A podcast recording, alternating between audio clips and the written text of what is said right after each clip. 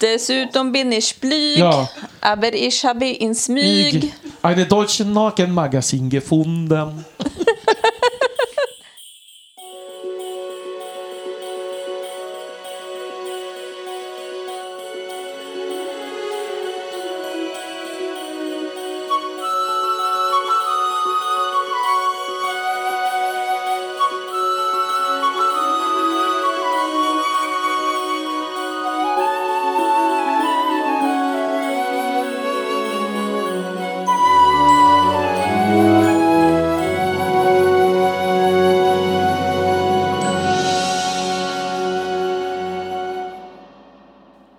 Och välkomna till det 68 avsnittet av Tolkien-podden.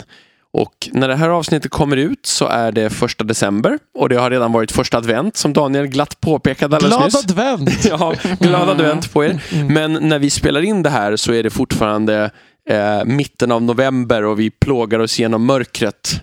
Eh, winter is coming, eh, för att citera en annan eh, känd fantasy-serie Ja. som vi ibland refererar till. Jag tänker plåga oss genom mörkret tycker jag passar rätt bra med dagens tema, ska man Mm. säga. Mm. Eh, därför att dagens tema är Sauron, som Mm. ni säkert har sett när ni klickade på avsnittet. Och vi som ska plåga oss igenom det här Ja, bra att du sa det. Ja. Det är Adam. Elisabeth. Och Daniel. Men nu ska vi se, ska man försöka hitta en sån här eh, ytterligare en analogi för Ja. vad vi ska göra innan. Men ni vet ju vad jag menar. Innan vi börjar på riktigt så ska vi självklart gå till månadens tips.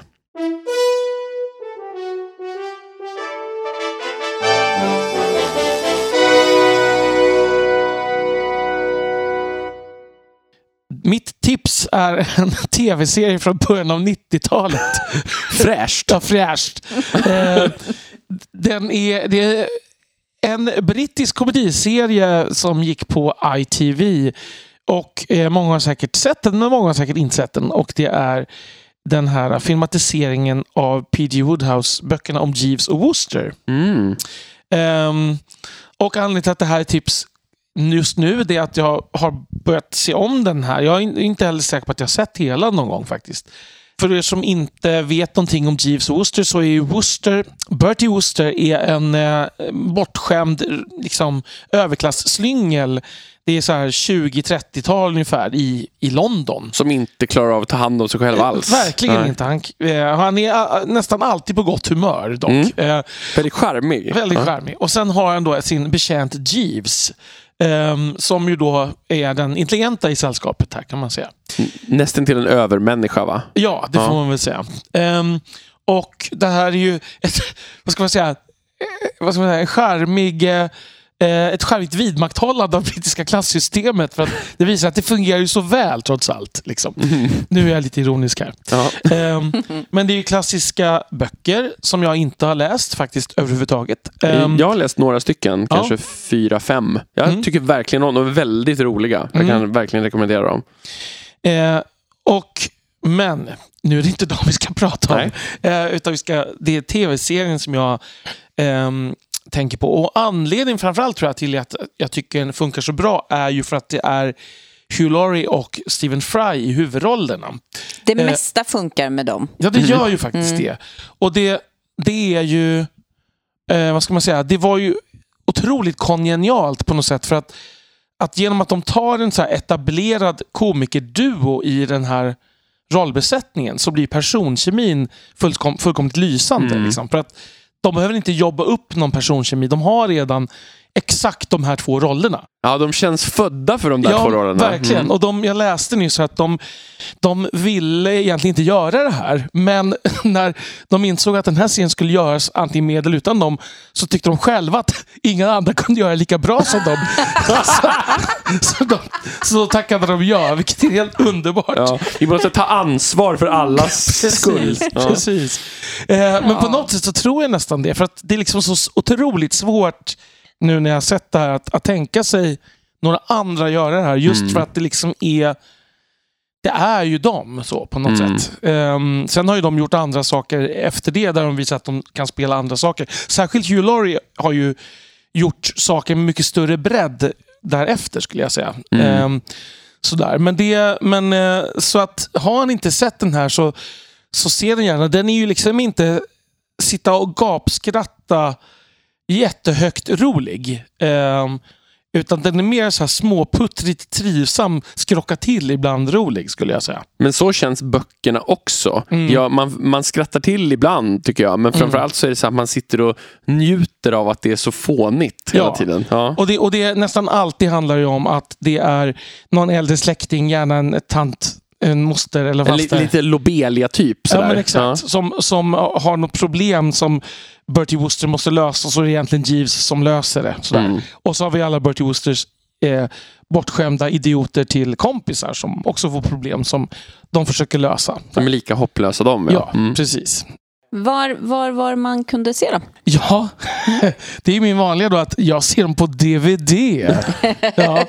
Eh, men jag kan garantera att det går att köpa dem väldigt billigt om Ja. man så önskar. Eh, Det är möjligt att de finns att krävs bara att man köper en DVD-spelare Ja, det får man göra. De är inte heller så dyra nu för tiden. Mm. Det går att spela, spela upp DVD-er i till exempel vissa tv-spelskonsoler eller i datorer. Mm. Man kan koppla till tvn också.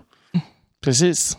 Mm. Det finns många möjligheter. Jag brukar spela upp DVD-er i min Playstation 4. Mm. Mm. Så. Men du vet inte någon... eh, Det vet jag inget inte. ställe som Nej, går att jag streama? har inte letat, Nej. ska jag erkänna. Nej. Ni får leta själva om ni tycker att det här lät intressant. Mm. Men för de, de som tycker att det här lät intressant har säkert redan sett det. Ja. Ja. Men det är kanske frälser någon. ja, kanske. Mm. Eh, Jag tänker så här, att just nu så är det mörkt ute. Eh, man eh, har jobbat och det blir mörkare och mörkare, man blir tröttare och tröttare. Eh, då måste man ju hitta de här små sakerna som, som faktiskt inte är så ansträngande. Se en serie, det kan göra livet bättre. För min del så, så går väldigt mycket tid när jag kommer hem och till att antingen så här, spela något tramsigt eh, Wodoko-spel eller någonting. Eh, el- eller eh, paddel. Det är lite mer aktivt. Men man landar ju ändå i soffan och så sitter man med den där mobilen och håller på. Och då tänkte jag prata om Instagram. Wow. Ja. Ska, du, ska du tipsa om den obskyra appen. Instagram? Jag ska tipsa om Instagram. Ja. Ja.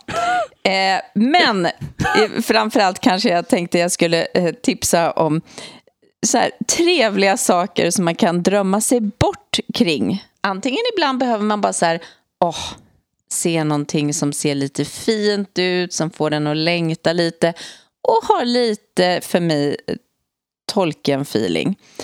Eh, då finns det den här sidan som heter Photos of Britain. Mm. Eh, den är Jag underbar. hör redan hur underbart det är. Ja. Det, ser, och det, det är så mycket som ser så här lite, man kan se hur det här kunde ha varit en bit av fylke eller Mm. ja. Nej men det finns, det finns mycket fint där. Så det är mitt ena tips. Och sen mitt andra tips, det är en eh, snubbe som heter, och nu ska vi se, vad står det? Gard Ragnarok Sagen, tror jag. Eh, som- Stav, hur stavar du detta? G-A-R-D, Ja. Eh, Ragnarok Ja, med ja. O och sen Sagen. Mm. Ja. Som, som i sägen eller vad? Eller vad? Är det här ett svenskt Nej. konto? Nej. Det är det inte. Men han lägger ju alltså då ut saker, eh, han, han tränar. Eh, och eh, hans eh, små filmer går ut på eh, att göra saker i... Tränar han för Ragnarök specifikt? Och blir Nej, han, han, utplockad trä- bland enhärjarna? han tränar för olika saker. Han tränar till exempel för att kunna kasta Gimli. Va? Eh, Okej. Eller, eh, här står det, till exempel så springer han på ett löpband Ja, med en var det tyngd. Training mig? to defend Minas Tirith against, against the army of Mordor. eh, och så vidare. Eh, han, han har många roliga varianter. Men han sprang med någon stång i ena handen där som ett spjut och några tyngder som en sköld på den, eller hur? På något löpband om jag minns rätt. När du skickade Ja den men till mig. precis. Ja. Eller så håller han en tjock, eh, stor eh, så här, boll Eh, och så står det training to jump across the crumbling bridges in Moria with Merry and Pippin och så vidare. Ah, Många sådana små roliga grejer. Eh, så vill man le lite då kan man gå in på den sidan istället. Mm. Så mitt tips är alltså Instagram. Och du kanske ska återupprepa kontornas namn. Photos of Britain hette det första. Ja, eh, Photos of Britain och sen den andra heter alltså Gard Ragnarok-sagan. Okej, ja. Mm. Ja. Tack så mycket. Spännande för- tips. Ja. Innovativt. Ja, verkligen. Nyskapande. Mm. Ehm, mitt tips är kanske inte jättenyskapande, men det är Är åtminstone... det ett spel? Nej, det är inte ett Nej. spel. Ha, det var inte ett spel! Jag tänkte, jag tänkte precis säga, men det är åtminstone inte ett spel. Nej, nej. Förstår. Ja. Nej, det är en skiva. Ja. Ehm, men det har jag nog bara tipsat om en gång förut, tror jag. Mm. Ehm, därför att jag skriver ju också recensioner för Sweden Rock Magazine eh, på min fritid. Och då blir vi alltid ombedda att göra en topplista för året och den ska skickas in ganska tidigt numera för att den ska kunna publiceras i sista, sista tid, tid, nej, magasinet för året. Just det. Och därför så var jag tvungen att sammanställa vad jag tyckte var årets bästa skiva Mm. för någon vecka sedan. Sådär. Och den skiva som jag valde har, Taylor Swift. Nej, har hon släppt en ny skiva? Det hade jag ingen aning om faktiskt. tror jag. Jag vet faktiskt inte. Ja, nej, men ja, nu kommer vi få skäll för att vi är såna där kulturelitister Nej, igen. nej det, det var inte alls vad min... Nej, nej jag kommer mer- skjuta ner det här med min otroligt så här, dålig smakmusik här. Det var mer för att jag tänkte att du lyssnar inte på Taylor Swift. Det var Nej. mer det. Nej. Ja. Eh, det, det jag valde som årets skiva var i alla fall eh, det italienska bandet Windrose som släppte eh, skivan Warfront eh, tidigare under året.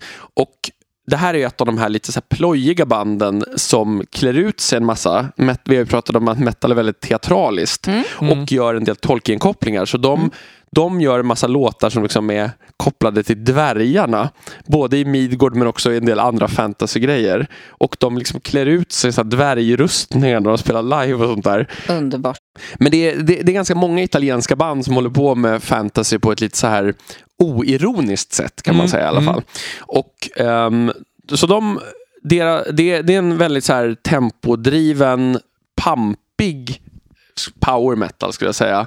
Ehm, som det är, det är mycket texter om, om liksom att eh, träna i järnkullarna för striderna mot mörkret och hålla stånd utanför murar och sådär. Ehm, och det är mycket ehm, stämsång. Det är liksom manskörer i stämsång Mm. eh, och väldigt pampiga refränger. Så att jag tycker det är ibland lite töntigt, men det är så svängigt så jag kan liksom inte, jag kan inte värja mig. Mm. Dvärja mig kanske. Ah, Ehm, men, men... Ah, Den var faktiskt för dålig. Ja, det var för dåligt. fast, ja, nästan, fast bäst hittills. Ja, precis. Men, men i alla fall. ehm, det är... Det är mitt tips. Om man, om man gillar lite så här pampig, svängig Dvärgmetal. Ja, det behöver inte vara specifikt att man gillar det. Nej. Men om man gillar storslagen melodisk metal så, och, och liksom har lite tolerans för att det kan vara li, lite töntigt och ändå kan tycka att det är bra så tror jag att man kommer gilla det här.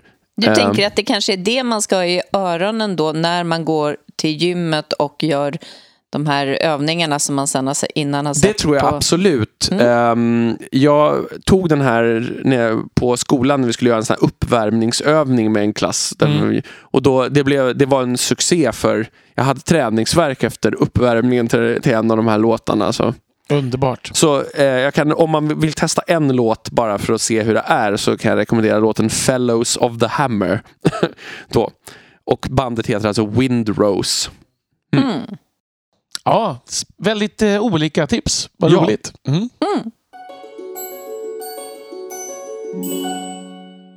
Vi ska alltså idag göra ännu ett personporträtt. Det är trevligt tycker jag att djupdyka i en person. Så hoppas att ni också tycker det. Eh, och det är alltså Sauron, eh, eh, den självaste mörkrets förste, så, Ja. som vi ska prata om idag. Och vi tänkte dels prata lite om hans biografi, alltså inomvärldsliga biografi.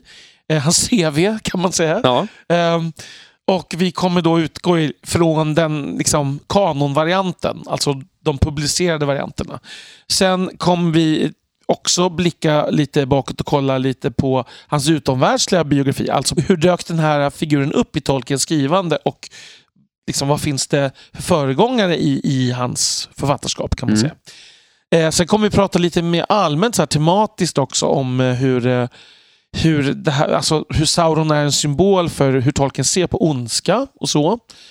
Och vi kommer även fundera lite över, finns det liksom andra föregångare innan, alltså för Tolkien? Vilka, vad kan han ha för Mm. förebilder för Sauron? Sådär. spåna lite kanske kring hur vi tänker kring Sauron. Mm. Både alltså, dramaturgiskt och vad man har för relation så att säga. Mm, ja, precis. Nej, men, nej, men jag tänker att det, det kan vara en sån person där det faktiskt blir mer centralt på Ja. något sätt. Verkligen. För det är, en, det, är en, det är ett koncept lika mycket som en person. Mm. Mm. Och vi, det känns också lite som ett reningsbad nu att prata om Sauron efter, efter att ha pratat om Halbrand i eh, så många avsnitt. Eh, Mm. nu och liksom återgå till Okej, vad står det egentligen om, om Sauron i Mm. när tolken själv får välja, så att säga? Ja. Och det är ju rimligt att han får det. Det får man ju säga. Ja. Mm. Ja, men om vi, vi börjar då med, om ni vill skissa lite på, på Saurons allra äldsta historia. Hans, Ja, Han börjar ju vid som... världens skapelse. Mm. Ja, nu kanske jag är jag för långt fram. Men han börjar ju som Maja. Eller han börjar, om man ska vara riktigt petig som det Ainu. Ja, men det var det jag Ja. insåg. att Vänta lite, ska vi börja? Var, var ska vi börja? Men han han har inte så tydlig identitet just där Nej, ändå, kan man ju säga. men han skapas i alla fall av Gud innan världen. Precis. Som alla de andra. Eh, och som Maja så tillhörde han... Aule se, se, håller Adam just nu på och mimar till mig. Det tycker jag är fint. Mm. Eh, för jag är för, alldeles för trött i hjärnan för att eh, sätta saker rätt här. Men eh, han tillhörde Aule. Och det var väl flest av dem som valde lite snett framöver som faktiskt tillhörde honom. Så det är väl kanske rimligt att han då börjar där. Och han var ju inte den stora från början. Eh, så han, han börjar ju där hos Maja, väljer att följa Melkor. Mm. Det är min tanke. Mm. Mm. Och ni andra instämmer, det tycker jag är lovande. eh, Ja. Eh, och ehm, från början så är han ju liksom bara en av Melkors tjänare. Eller en av Melkors undersåtar. Han blir ju ganska snabbt hans liksom högra hand eller närmste man eller sådär. Ja, under första åldern. Så kan man säga. Men han är absolut en undersåte. så Mm. att, för Melkor är ju liksom... Han är ju en gud. Ja, En- men precis. Alltså, eh, och det, det kan ju jag tycka att, att ehm, det är lite svårt att greppa att Sauron bara är en miniatyr eller en minivariant egentligen av, av eh, den första ondskan. Mm. Eh, Tolkien spånar mycket kring det där. Vi kan Mm. komma in på det lite Mm. senare, tänker jag. Det säger ju någonting precis om hur, hur illa den första stora ja, men det, ondskan det är. så precis, Mm. precis Mm. så. Mm. Och han, han har ju många olika namn. Mm. Eh, vi kan ju ta in några av dem. Ett namn som inte förekommer alls i kanonmaterialet men som ändå kan vara relevant att ta in här. Mm. I ett, av- en av Tolkiens sena skrifter så bestämmer han sig för, eller, eller inte jättesen, den är faktiskt från 50-talet, men den är, den är publicerad sent efter hans död. Så bestämmer han sig för att han har hetat Myron ursprungligen. Mm. Jaha. eh, men det, det är ett ganska, liksom, ett namn som inte förekommer så mycket. Han kommer på det rätt sent. Men sen, och ett annat namn, eh, och Sauron, det, det finns en jättemassa lingvistiska förklaringar till det. Han ändrade sig en massa. Det finns, jag tror, minst fem eller sex olika varianter på vad rötterna är. Men Sauron ska då betyda the abhorred, alltså ungefär den avskydde Mm. på eh, Quenya. Ja, och det är ju helt rimligt att det inte är det han heter från början. Nej. Väldigt dåligt namn. Precis. Ehm, Vad är dina framtidsutsikter Ja, egentligen? Ja. Och eh, han har ju också namnet här, Gorthaur, eh, som betyder abominable dread. Mm.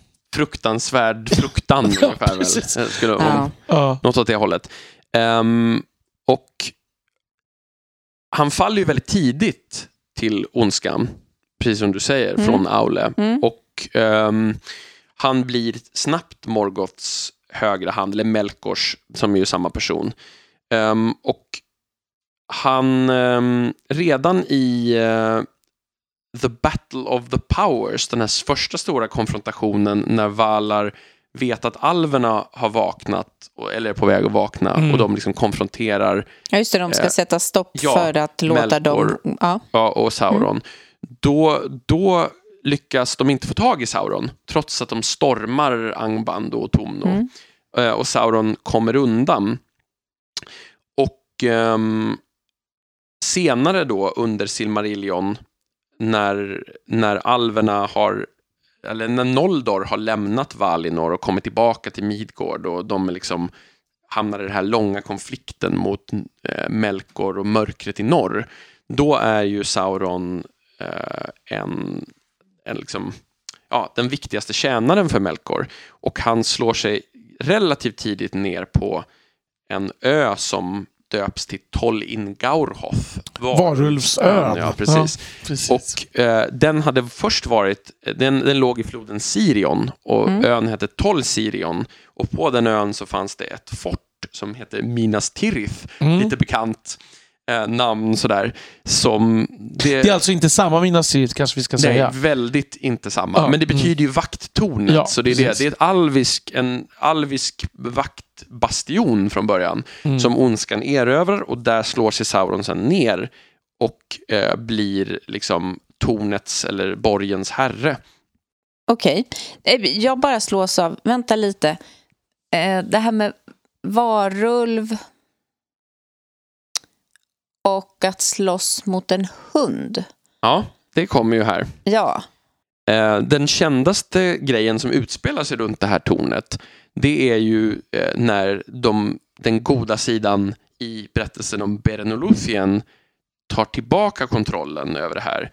Eh, därför att eh, i berättelsen om Berenolothien så kommer ju Beren och Finrod och deras anhang dit utklädda till orker under en eh, besvärjelse som Finrod har lagt. Men Sauron anar oråd och tycker att det är, de beter sig konstigt. Och sen utkämpas en sångmagi-duell mellan Sauron och Finrod. Och det är ju helt underbart. Ja. För att det är så långt ifrån så mycket annat. Det, Ja. det känns väldigt Kalevala på Ja, något sätt. ja. Eh, lite Väinämöinens sångmagi och det där. Mm. Men det slutar med att Sauron besegrar Finrod och Finrod, deras ehm, vad ska man säga, sk- orkskepnader faller av dem. Och de blir kastade i hans fängelsehålor. Där eh, de blir uppätna av varulvar en efter en. Tills Finrod spränger sina bojor och dödar den varulv som kommer för att, bese- eh, för att döda bären. Just det. Och ehm, Och här är- blir det helt plötsligt, det är ju liksom Odysseus helt plötsligt Ja, här. Med, verkligen. och cyklopen. Ja. Precis. Ja. Ehm, och det till slut då, lite senare i berättelsen så kommer ju eh, Luthien och den stora hunden Hoan Ja, just det. eh, kommer ju Mm, dit. mm, mm. Och det slutar med en duell mellan eh, Sauron i vargform och Hoan. Eh, Sauron växlar skepnad bland varg och eh, orm och sig själv och sådär. Och, men det slutar i alla fall med att Hoan besegrar honom, för Sauron har hört eh, profetian om att Hoan ska dödas av den största vargen någonsin. Och han tänker att det kanske är han. Just det. Som, eh, Men det är fel. Och det slutar då med att han blir tvungen att ge upp ön och dess förtrollning. Eh, och Luthien kan på så sätt eh, befria Beren. Och Sauron flyr därifrån i vampyrskepnad. Jag tänkte ju säga, Mm. han, han tvingas ge upp sin skepnad också. Mm. Ehm, och, Det, det är verkligen många olika ja, monsterlegender som samsas. precis. här Eh, han flyger iväg mot Tarnofuin, Mm. är skräckområdet där i närheten. Precis. Ehm, och Mot Transylvanien. Ja, och, och det, det finns, apropå det du sa om hans CV här. Ja, jag ja. tycker det är, det är en väldigt cool beskrivning av honom som, som om Sauron hade en LinkedIn som så här, liksom, att han var, alltså han ska visa hur duktig Dark Lord han var, så tycker jag, skulle jag ha satt det här på min link, ondske-LinkedIn här då. Jag läser det på engelska nu för att jag har inte plockat ut det på svenska. Sauron was become now a sorcerer of dreadful power, master of shadows and of phantoms, foul in wisdom, cruel in strength, misshaping what he touched, twisting what he ruled, lord of werewolves, his dominion was torment. Oj, oj. Ja, ja, verkligen. Ja, nej, det är en Det går nästan Ett att ställa upp i fint- punktform. Ja, fint CV. Ja, ja. Ehm, men i alla fall, om vi spolar framåt lite grann då till slutet av första åldern så besegras ju Melkor när Valar drar i strid igen. Och Ja, det, och det är väl Mm. lite jobbigt, tänker jag. Alltså om man då har tillhört fel sida. Klassiskt Verkligen. Och problematiskt. Sauron ger sig ju till eh, Manwes härold Eonwe. Mm. Eh, och Eonwe beordrar honom att eh, ge sig till Valinor och eh, ställas inför Valars domstol. Sauron klarar, trots att han har tänkt sig och, och säger sig ångra sig, så klarar han inte av den förödmjukelsen utan slinker undan igen och eh, försvinner. Han är ju vansinnigt bra på att slinka undan. Mm. Alltså han är verkligen hal som en tvål. Alltså, Ja. Han och Gollum. Ja. Precis, de kanske, han kanske såg någon sorts kinship där med Ja. Gollum. Mm, mm. Ehm, Men, men här kan man ju verkligen, och det kommer vi säkert diskutera, hur mycket han faktiskt ångrade sig och inte här. För Mm. det är ändå väldigt intressant. där har Tolkien skrivit lite olika Ja, i ja, olika precis. texter. Mm. Ehm, men en annan grej som jag bara vill sticka in här, en populärkulturell referens, är att Mm. i min kanske absoluta favoritskiva som jag har pratat om någon annan gång, Nightfall in Middle-earth av Blind Guardian. Ja. Mm. Den Så, har är- nämnts. ja, så är, ehm, in, de har ju liksom en massa eh, talade partier instuckna mellan låtarna. Mm. introt till skivan som heter The War of Wrath är en dialog mellan Melkor och Sauron när, ehm, när allt är kört. Mm. Och Sauron ber Melkor att försöka ge sig iväg. Och Melkor säger att det är lönlöst, det är ingen idé, men, men du eh, måste liksom, du ska gå. Och Mm. han, så, och, så det, Det låter sorgligt tycker jag. Ja, men jag, jag, tycker det är, jag tycker det är ett intressant val. Ja, och sen så är ju skivan då Melkors återberättande av Silmarillion. När han minns tillbaka innan han ska, alltså i de här ögonblicken innan Valar ska komma och ta honom. Mm. Ja, men precis. Mm. Nej, men exakt. Men vi, som, vi kommer kanske in på det. För jag tänker det här med att ångra sig eller inte. Det beror på också kanske på hur man ser på om Sauron som redan som Aino var, var hade de här dragen. Eller om det var liksom makten och Mm högmodet som lockade honom i fördärvet. Sådär. Men vi kanske... Men en intressant parallell man kan sticka in åtminstone Mm, är mm. väl det som Elisabeth sa om att det var flest av Aules anhängare som Mm. lockades över till Mm. Melkor. Mm. Det finns ju också en parallell i att det är materialismen Ja, För Aule precis. skapar saker och Noldor är det alvfolk som också liksom lockas lättast till onda dåd åtminstone utifrån deras önskan om att skapa och sådär. Och det finns något tema ändå. Ja, det, och det handlar ju också om att skapa i det här att förvränga naturen genom Mm. att hamra på det. Ordna Liksom. efter sitt eget ja. huvud. Ja, men precis. Mm. Och det, det vet vi ju. Hur det går. Ja. Mm. Mm. Och sen kommer vi in på andra åldern territoriet. Och då är vi ju lite i samma vatten som tv-serien har fiskat. Ja, precis. Vad fyndig du är. Kan, kan, vi bara, Eftersom du börjar på, han börjar på ett vrak ja. där. Ja. ja, kan vi bara vänta i, i första åldern? Mm. Alltså hur aktiv är han i alla dessa strider? För han tas ju upp i väldigt liten grad. Alltså vad jag förstår så är ju han en, eh, han, vad ska man säga, ondskans ledare, de ger sig ju inte ut i strid Nej, på det de sättet. lite utan de, de dirigerar sk- ju, så han, ja. han Mm. känns ju som att han dirigerar först från Angband, sen från Tolin Gaurhoff och sen antagligen från Angband igen. Att han administrerar huvudsakligen och smider onda planer. ja. Som en annan eller, eller Disney-skurk. konkretiserar uh, Melkors onda Ja, planer precis. kanske. Ja. Fast lite grann undrar man ju om Ja. Sauron inte var Melkors så här spin doctor. Ja, ja, att, det. äh, att han var lite den som kom på så här konkreta. Melkor hade en svepande vision om Ja. mörker och Sauron skulle komma på hur kan vi konkret vara onda här?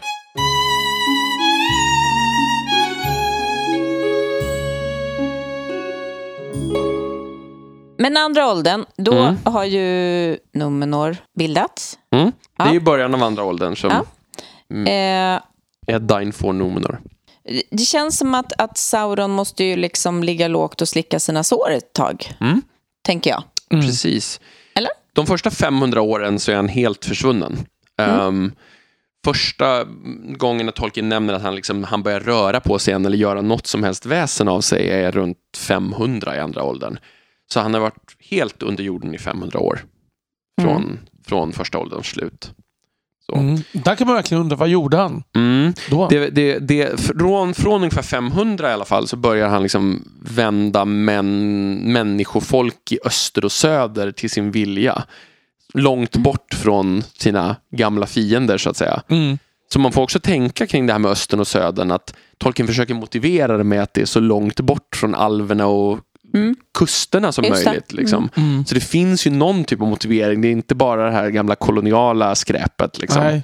Nej, precis. Det, är där- det är där det här det byter. Så att säga. Alltså från att ondskan har varit mycket mer i norr, Mm. så är det här det byter till att vara östern och södern. Och, och Tolkien skriver faktiskt i ett av sina brev att han menar att det finns rent praktiska skäl, försvarar han sig när någon undrar kring det här. Mm. Ehm, jag undrar om inte han också nämner det i anslutning till det här när Olmarks förknippar Sauron med Stalin och han menar att det är, liksom, det är en ren slump att ondskan är i öster, så att säga. Ja, Mm. Mm.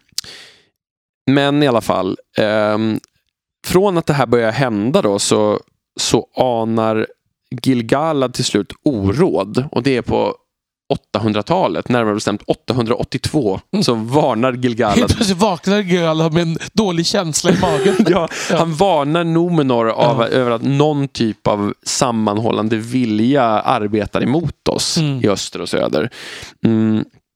Och i historiska termer ganska kort därefter, runt år 1000, så gör Sauron Mordor till sin fästning för första gången och bygger Barad-dûr. Då är vi alltså tusen år in i åldern som är 3441 år. Ehm, så det är ganska tidigt ändå om man jämför med eh, de tidsåldrar vi har tittat på i, i Rings of Power. Men det är också ganska tidigt rent dramaturgiskt, eller man ska Ja. säga. Alltså man, man tänker att, att det känns ju som att där, redan där är, är det ju blir ju ganska mycket uppenbarat och sen Mm. dröjer det väldigt lång tid innan liksom, Mm. Det ju, händer någonting där. Kan man säga. Eller ja, det gör det ju inte. Men alltså, det händer ju massa Nej, men saker. precis. Och sen kommer ju en bekant gestalt, nämligen Annatar. Men, mm. Eh, han, runt år 1200 i andra åldern så dyker det plötsligt upp bland alverna en gestalt som säger sig vara en, en budbärare från Valar. Med, eh, som, som verkar vän och eh, som är fair spoken så att säga. Och ehm, Lindons alver är skeptiska mot honom. De Mm. förstår inte att det är Sauron. Nej. Eh, för då har de slagit larm förstås. Ja, det är klart. Men de tror inte riktigt på hans Hans berättelse. story, nej. Nej, så därför släpps han inte in i Lindon. Däremot så blir han eh, välkommen ho- hos alverna i Eregion, alltså Celebrimbors Mm. alver och de, den grupp som kallas för Gwaith i Mirdain, eh, juvelsmedernas folk. Där hans råd och tips eh, inkorporeras i deras arbete. Till exempel legeringar kommer... nej, förlåt. Ja. Eh, Nej, ja, precis. Ehm, och, det, och, men det, och det här är ju väldigt symptomatiskt då igen. Alltså återigen, vi pratar om Aule här. mm. Eh, det är ju exakt samma drivkrafter. Ja, det är skaparlusten Ja, här liksom. Den, Mm. och eh, hantverket. Mm. Och maktringarna börjar alltså smidas runt år 1500, ungefär 300 år efter att Anatar-gestalten först framträder. Det är de här väldigt långa tidsspannen Mm. Med de ja. odödliga. Och det är ju som, som vi har nämnt mycket i diskussionen om serien, det är ju dvärgarna som människornas ringar som smids först. Mm.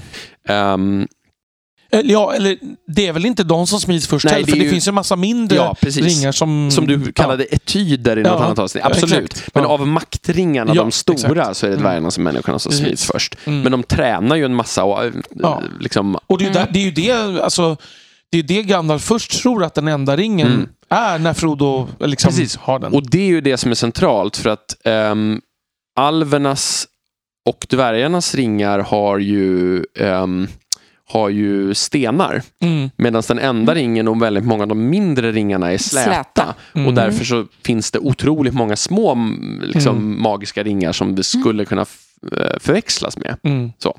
Och det är därför det tar, alltså på något sätt är det rimligt att det tar så lång tid för Gandalf att Mm.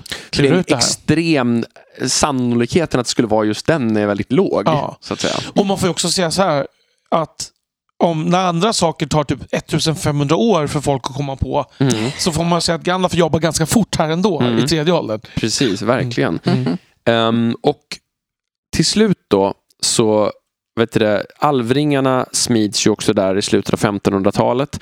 Och sen eh, smids då den enda ringen runt år 1600 och då förstår ju alverna vad som är på gång. Mm. De, då känner Celebrimbor vad som har hänt. Och Sauron blir plötsligt, när han förstår att han, hans eh, spel är avslöjat så Mm. blir, byter han helt fot och blir hotfull och börjar kräva ringarna. Eftersom han Mm. säger att det var bara min visdom som skapade de här egentligen och sådär.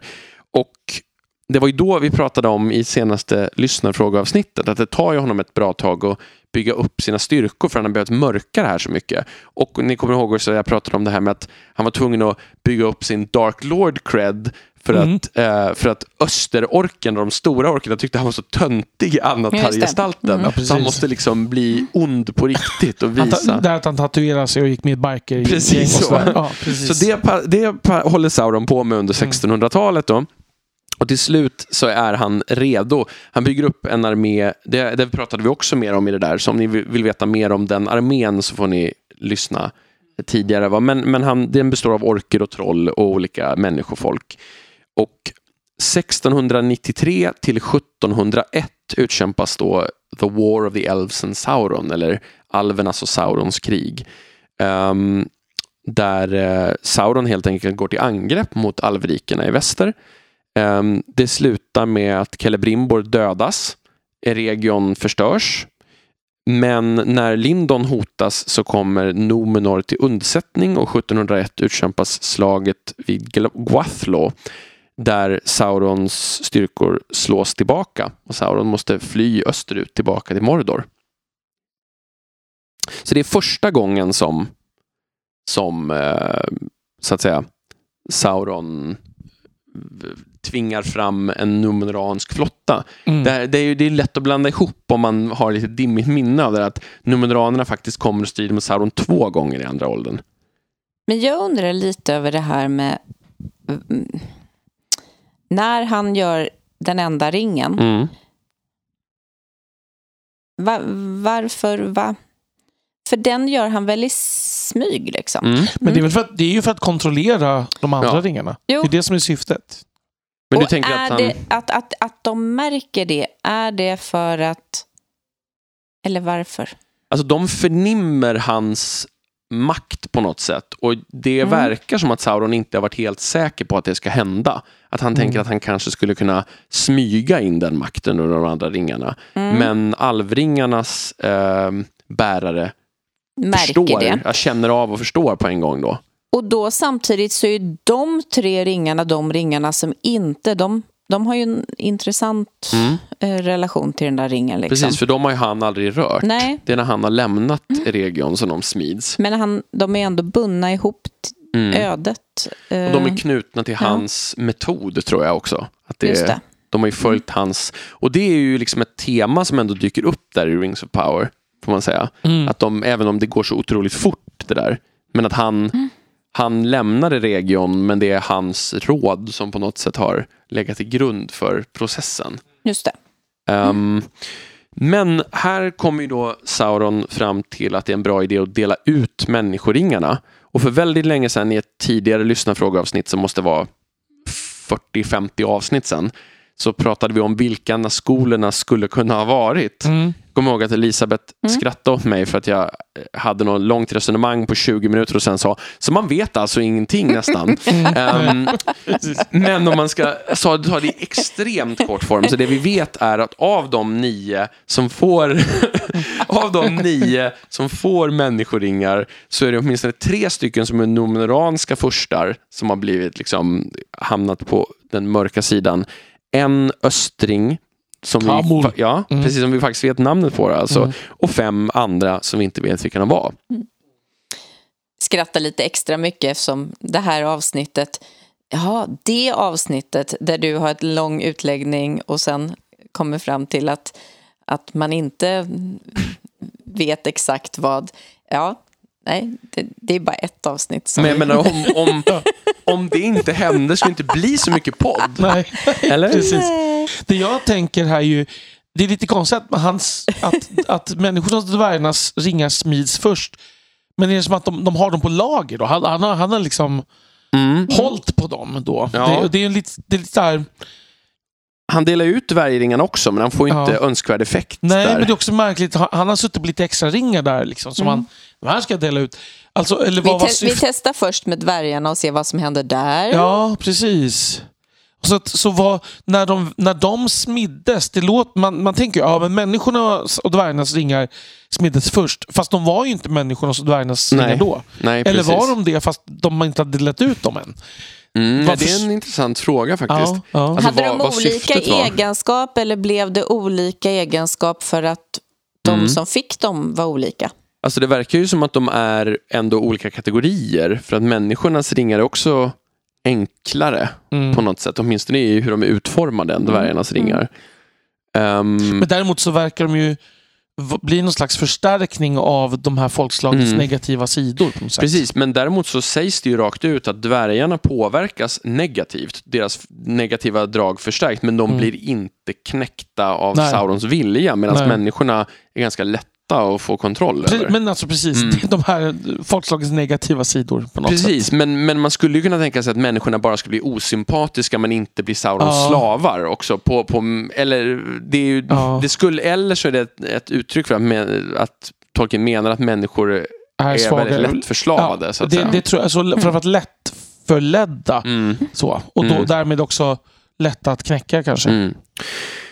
Hur som helst, de här nio människorna som får de här ringarna, de framträder år 2251 för första gången som ringvålnaderna. När de har förändrats och blivit Saurons slavar i, vad ska man säga, he, fullständig utsträckning eller något, Mm. något sånt. Eh, till fullo kanske bättre. Och sen spolar vi snabbt lite framåt igen då. För under den här tiden så bygger Sauron upp sin makt igen sen, under, eh, framförallt under 2000-talet, alltså mellan 2000 och 3000. Eh, och han börjar kalla sig The King of Kings och The Lord of Men och sånt här. Och det provocerar... Prince of Peace. Nej, ja, det var nej annan. inte riktigt. Men, ehm, eh, och det provocerar då, under den här perioden så har ju Numenor börjat förmörkas och vändas ifrån alverna också Mm. gradvis. Det tar ju lång tid. Men, och till slut så har vi alltså år eh, 3262 eller 3262 då landar den andra numenoranska flottan. Och det är Arfarason, Numenors siste kung, som vi också har sett i Rings Mm. of Power-serien lite grann. Inte som kung ännu då. Ehm, han är, landar med en enorm armé på Midgårds kuster och besegrar Saurons tjänare och sen ger sig Sauron frivilligt. Det säger Tolkien medvetet i ett brev. Eh, han säger det att Sauron lät sina tjänare besegras, eller de besegrades, men Sauron eh, gjorde det helt medvetet och slugt för han fick en fri passage till Numenor. Mm. Så. Mhm. Och, så det är Tolkien väldigt uttrycklig att Sauron, det är Saurons idé här. Att det, det handlar väldigt lite om, i hans fall, om något annat än en, ett sätt att lura Arfarason och ta honom som gisslan. Och här ser man igen den här hala typen. Liksom. Mm. Alltså att det, det, det, det är ju väldigt stor skillnad mellan Sauron och, och Melkor. Mm. Som inte är så hal och Nej. inte så subtil heller. Nej, precis. Nej, men han är ju liksom bara... Nej, ha- det känns som att de har lite olika syften. Så. Mm. Eh, och att Sauron verkar ju som har, har nästan någon slags... Han gillar att luras och manipulera. Mm. Så Mm. känns som. Och när han då kommer till Numenor så dyker ytterligare ett av hans många namn upp. Det här Mm. kallas för Sigur the Wizard. Ehm, på adunaiska, Mm. eh, människospråket där. Då. Och han börjar ju ganska snabbt en kampanj. Han är ju där i ja, ungefär 50 år och börjar ganska snabbt med historiska mått mätt en kampanj för att vända Nomnor än mer till mörkret. Och det slutar ju i total Mm. urspårning med tempelbyggen till Melkor, människooffer och ja, Just det. allt möjligt knas. Så det har ju redan varit, det har ju liksom blivit osympatiskt och vänt sig från alverna men det spårar ju fullständigt här. Mm. Ehm, och ehm, till slut så äggar ju då Sauron Arpharason att eh, ta odödligheten från Valar genom att med en flotta landstiga i Valinor. Han lurar honom att på något sätt ska de kunna bli odödliga om de åker dit. Och det slutar ju med att Gud griper in och sänker Nomenor i havet. Och det är ju än mer än vad Sauron har trott ska hända. Mm. Ja, alltså, vad hade han trott skulle hända? Det tycker jag är Jag- intressant... Jag tror att han trodde att Arpharason och hela hans här skulle förgöras av Valar. Just Men, men Mm. att han då skulle kunna bli herre på Numenor. Just det. Men Mm. han räknar inte med att Gud ska gripa, om och, gripa in och omforma världen. Nej. Eller Ero i Mm. Lovatar alltså. Ehm, och Numenor sjunker och Saurons kropp drunknar. Men hans ande eh, flyr tillbaka över havet och börjar återigen bygga upp sin styrka i Mordor när han lyckas ta sig tillbaka dit. Och Skam den som ger sig. Ja, man, men det är väldigt många gånger han flyr och börjar bygga upp sin Ja, styrka ja. igen. Eh, vi, vi är ju inte ens halvvägs genom alla de nio gångarna. liv den här. Nej, förlåt. Ja, ja. Precis. Apropå, ja, det tar vi sen. Mm. Eh, men ehm, Arnor och Gondor grundas ju av exilnumeranerna. Och där går det ju inte så lång tid och där skriver Tolkien i ett av sina brev också att Sauron hinner inte bygga upp varken sin styrka i Mordor eller sin egen kraft så mycket än eftersom Arnor och Gondor förstår hotet då från, från honom och allierar sig med alverna och går på offensiven i sista alliansens krig.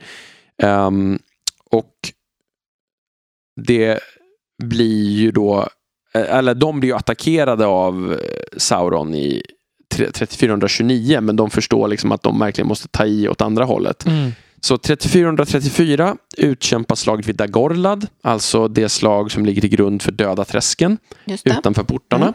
Mm. Och det vinns av västern. Och sen det som är en skillnad mot prologen hos Peter Jackson, där vi ju får se lite av det här, är ju att det sen tar sju år av belägring av Barad-dûr Mm. innan vi kommer till den här klimaktiska slutscenen med. Enviget. Mm. Ja, just det. Ehm, där vi har ju pratat om tidigare ett lyssnarfrågeavsnitt att uh, Elendil och Gilgalad sannolikt dödar Sauron men också blir dödade och Mm. att Isildur skär fingret av Sauron när han redan är besegrad eller döende Mm. snarare än att själva avskärandet dödar honom så att säga. Just det. Som det är i, bo- i filmen. Ehm, som vi mycket väl vet så vägrar ju Isildur kasta ner ringen och vi vet vad som händer med honom. Eh, Det Mm. tror jag inte vi behöver gå in på. Nope. Ehm, men här förlorar ju Sauron ett tag sin fysiska form. Mm. Eh, igen. Precis. Och flyr långt österut. Eh, och Han här blir- är han ja. ju utan fysisk form i tusen år. Han blir av med den där, alltså han tvingas ju ge upp sin kropp ganska Ja. många gånger. Och den, den viktigaste är ju i Nomenor, för där förlorar han också förmågan att ta en vän skepnad. Efter det kan han bara vara en fruktansvärd mörkrets furste. Innan det har han ju kunnat byta gestalt Mm. efter sin egen vilja. Men nu är vi alltså inne i tredje åldern och de första tusen åren är Sauron någonstans i andeform borta i öster. Jag Men undrar vad, han gör, vad gör man i andeform i tusen år? patiens i huvudet? Ja, Nej, jag precis. inte. Ja. Ehm, Fruktansvärt tråkig tillvaro. ja, verkligen. Ehm, kan prata om att hinna noggrant planera. Ja, verkligen. Ja.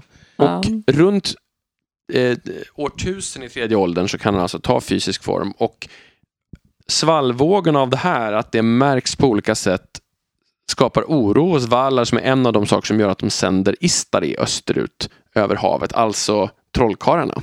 Ja, och då inte i meteorer utan i båt. Ja, precis. Ja, lite mer traditionellt. Ja, precis. Precis. Ja. Och de Ehm. kommer också ihåg vilka de är. Ja, precis. Mm. Ehm, sen nu har, tar vi oss raskt igenom tredje åldern här.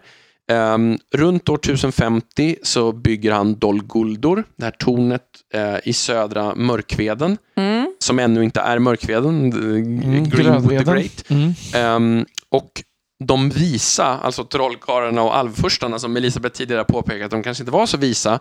ehm, de fattar inte att det är Sauron, utan de tror att kanske att det är någon av naskolerna som är liksom den mörka skepnaden i Dol Guldur. Eh, Men ondskan börjar röra sig allt mer sen under de kommande eh, århundradena och 1300 ungefär grundas Angmar uppe i norr eh, där dit häxkungen har skickats av Sauron, alltså en av naskolerna. Och det blir ju en utdragen kamp mot det norra kungadömet Arnor eh, som vi inte ska gå in på i, i sin helhet. Till slut så lyckas ju Angmar knäcka Arnor Mm. men besegras sen i slaget vid Fornost 1974. Eh, Där kommer lite hobbitar. ja, Ja, precis. säger de själva de, i alla fall. De skickar, det Lite- enligt lite deras egen uppgift, bågskyttar. Ja. Ja. precis.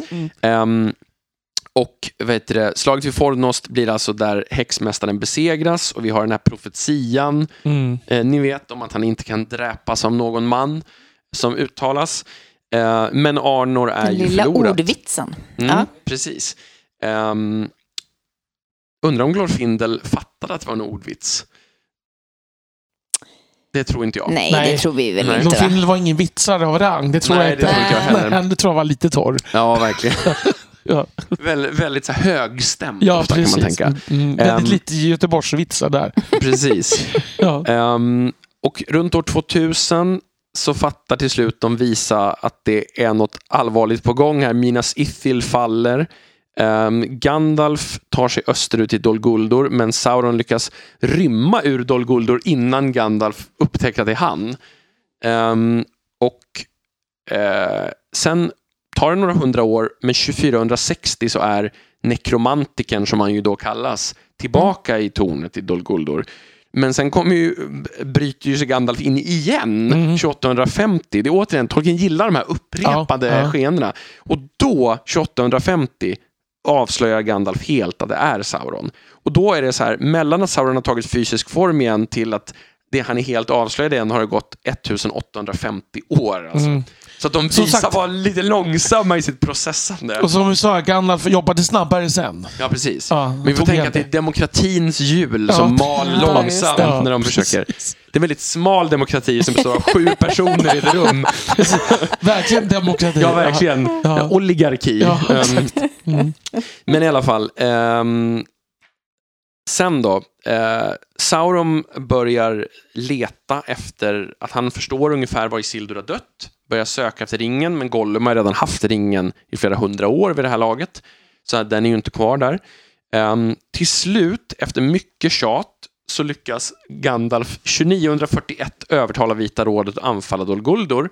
Så Sauron flyr därifrån och återvänder Men till inte Mordor. bara i antiform, utan Nej, ändå precis. Återvänder till Mordor Ja. när Dol Guldur faller. Mm. 2951 återtar dock mörkret Dol Guldur, så de har det bara i tio år. Mm. Eh, genom att Sauron skickar ut några av naskolerna.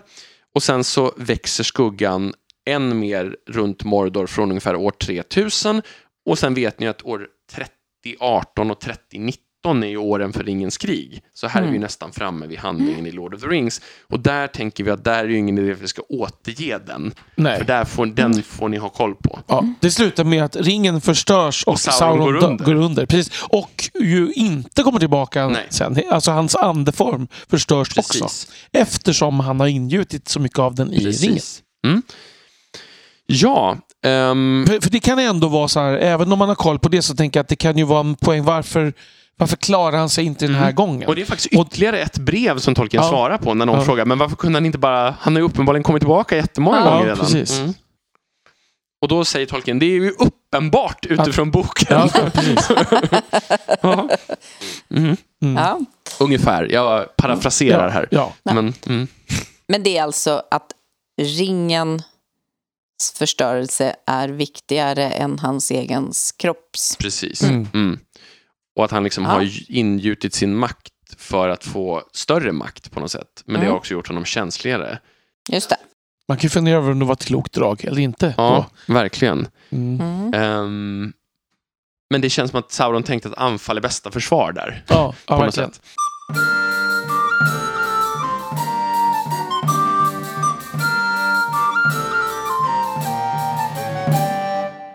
I alla fall, om vi ska bara ta någon, några korta såna här små inomvärldsliga reflektioner innan vi blir färdiga med den här ka- Mm. kanoniska delen, så kan man ju säga att eh, många undrar ju, och vi får frågor ibland fortfarande om det här med Sauron och ögat och så. Och vi har ju svarat på det ganska många gånger, men Sauron har ju en fysisk form under större delen av det här skeendet som vi har tagit upp. Mm. Och även vid Ringens krig har han ju en fysisk form. Och det beskrivs som att han, han ser fruktansvärd ut. Han kan ju bara ta den Mm. skepnaden numera. Då, och han är större än en människa men inte gigantisk eller inte jättelik. Um, Gollum nämner också “There are only four fingers on the black hand”. Ehm, så att det här med avskurna fingret finns ju i fysisk form fortfarande. Mm.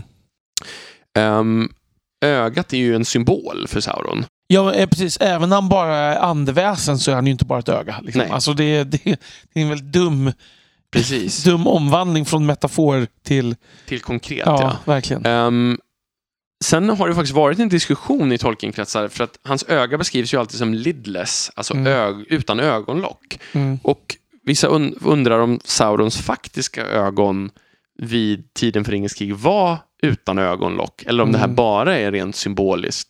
Ehm, Jag har alltid tänkt att det är bara en metafor. Ja, jag också. Men uppenbarligen så är det folk som har tänkt kring det här. För jag har hittat diskussionerna. Ja, men sen är ju den stora frågan då hans fysiska form, exakt hur den var. Så Mm. att säga. Alltså det är ju... Hur, hur, hur mäns, människolik är den? Liksom? Alltså hur vanställd är han? Vad, vad innebär att han ser fruktansvärd ut? Liksom? Mm. Det är ju svårt att veta. Mm. Alltså, där är ju... Jag tänker att Peter Jackson, han tänkte ju sig en stridsscen mellan Sauron och, Mm. och Aragorn som klipptes bort, tack gud. Mm. Ehm, eller tack Peter Jackson kanske jag ska Ja, säga, ja, som här- inte jag jämställer med Gud. Nej, Ehm, nej, precis. Men, ehm, och där verkar det som att han ändå går lite grann på den här skepnaden från sista alliansen, men med lite vagare liksom, konturer. Mm. Han, och om man tittar i The Hobbit så är han ju nästan som ett kraftfält lite grann. I, I Peter Jacksons The Hobbit Ja, alltså. exakt. Mm. Mm. Ja, ehm, men, men jag menar i, i filmatiseringen, det, det är också ganska skönt ändå att han har gjort så att även i sista alliansen så är han ju dold. Så att Mm. säga. Ehm, för, för det är väl det att det är väldigt svårt att föreställa sig hur han ska se ut och då är det bättre att inte visa honom. Liksom. Mm, att han bara är innanför rustningen alltså. ja, ja, Mm. precis. Mm. Ehm, men det får en ändå fundera verkligen hur, hur han, Mm. vad, vad Tolkien menar med att han är fruktansvärd Mm. att se. Liksom. Jag tror att det är en ganska bra lösning. Men det blir också problemet att man lätt tror att han inte är mer än en rustning. Alltså Mm. eh, lite som, som nattskolorna, att, att det liksom, Mm. vad finns där? Ja, just det. Så. Och det, alltså den här skolorna hade ju också någon typ av fysisk form, men den är ju, alltså den befinner sig någonstans mellan en andeplan och vår, Ja. vår värld. Ja, den är fysisk i skuggvärlden på Ja. något sätt. Mm. Men jag tror att om man kastade en sten på de här Mm. skolorna så skulle Mm. den inte gå rakt igenom, Nej, utan nej. det finns ju en kropp att Mm. studsa mot, så att säga. Ändå. Även om när liksom häxkungen avtäcks så, så får man ju liksom ande-vibe där. Mm. Mm. Så det där är ju något sånt här mellanting. Och det finns det väl inget som talar för att Sauron var? Nej, inte, inte var inga textställen som säger det i Nej. alla fall. Ehm, men jag tror att där, där har man ju väldigt stor frihet om man skulle tolka Sauron. Mm. För i väldigt många av de här så är det ganska vaga beskrivande ord ehm, som, som gäller här. Mm. Ja, jag tycker det är skönt, återigen. Alltså, vi får väl se om vi får se något av det här Mm. framöver. Men det att, att inte visa det tror jag fortfarande är mycket smartare. Mm. Ofta. Om vi ska titta lite då på hur, hur Sauron då smyger sig in i, eh, i Tolkiens författande så kan man väl säga att det är liksom i olika faser. Eh, eh, och, och det, som, alltså om jag börjar lite bakvänt nu, för det mm. tänker jag att jag får göra, så, så, så är det ju som att, att de olika versionerna, alltså den nekromantiker som vi möter i The Hobbit är ju till en början inte samma Sauron som eh, som, vad heter det, som finns i äldre material. Utan det smälter ihop först när de här världarna blir samma. Precis, liksom. men det är relativt tidigt där Tolkien börjar tänka att ja. det är samma person. För han skriver i något brev att liksom, det var till och med så att Sauron peaked over the edge of the Hobbit. Mm, ja. Alltså, så att han han har nog haft en association dit ja, ändå. Precis. Mm. Men det är likadant där som han, han vet. Det är som att han medan han skriver kommer han på ja. att, att Precis som att Elrond helt plötsligt bara dyker upp. Liksom. Precis. Eh, sådär, till exempel. Men, men om vi då backar långt, långt tillbaka till De förlorade sagornas bok. Mm. Eh, så är det ju i... Då är vi runt 1920, ska vi alltså säga då. Så 17 år innan The Hobbit. Ja, ja. Det, och han är inte särskilt gammal här, den gode tolken. Och då är det ju så att alltså, Saurons viktigaste roll i Silmarillion är ju i Beren berättelsen som mm. vi redan har konstaterat kan man väl säga. Det är där han har mest agens mm. i alla mm. fall. Och då är frågan om man går tillbaka till de här tidigaste versionerna av Beren historien Finns han där? Ja, både ja och nej kan man väl säga. Och det är ju det som är så fantastiskt underbart. Eh, för det som har, som Christopher Tolkien skulle säga, samma liksom funktion i narrativet, även om det inte är samma person. Det är ju då Tevildo, eh, kattprinsen. Där. Mm. Eller katternas eh, första kanske man skulle ja, det kanske man säga. Ja. Men det är gulligare med kattprinsen. Ja, okay. eh, han eh, som är liksom en... Han är ju lite vad H är för hundarna kan man säga. Mm. De, det blir ju, och det är ju här då, vilket är väldigt gulligt, att den här fiendskapen mellan hund och katt tar sig uttryck i den här berättelsen mm. här väldigt tydligt. Liksom.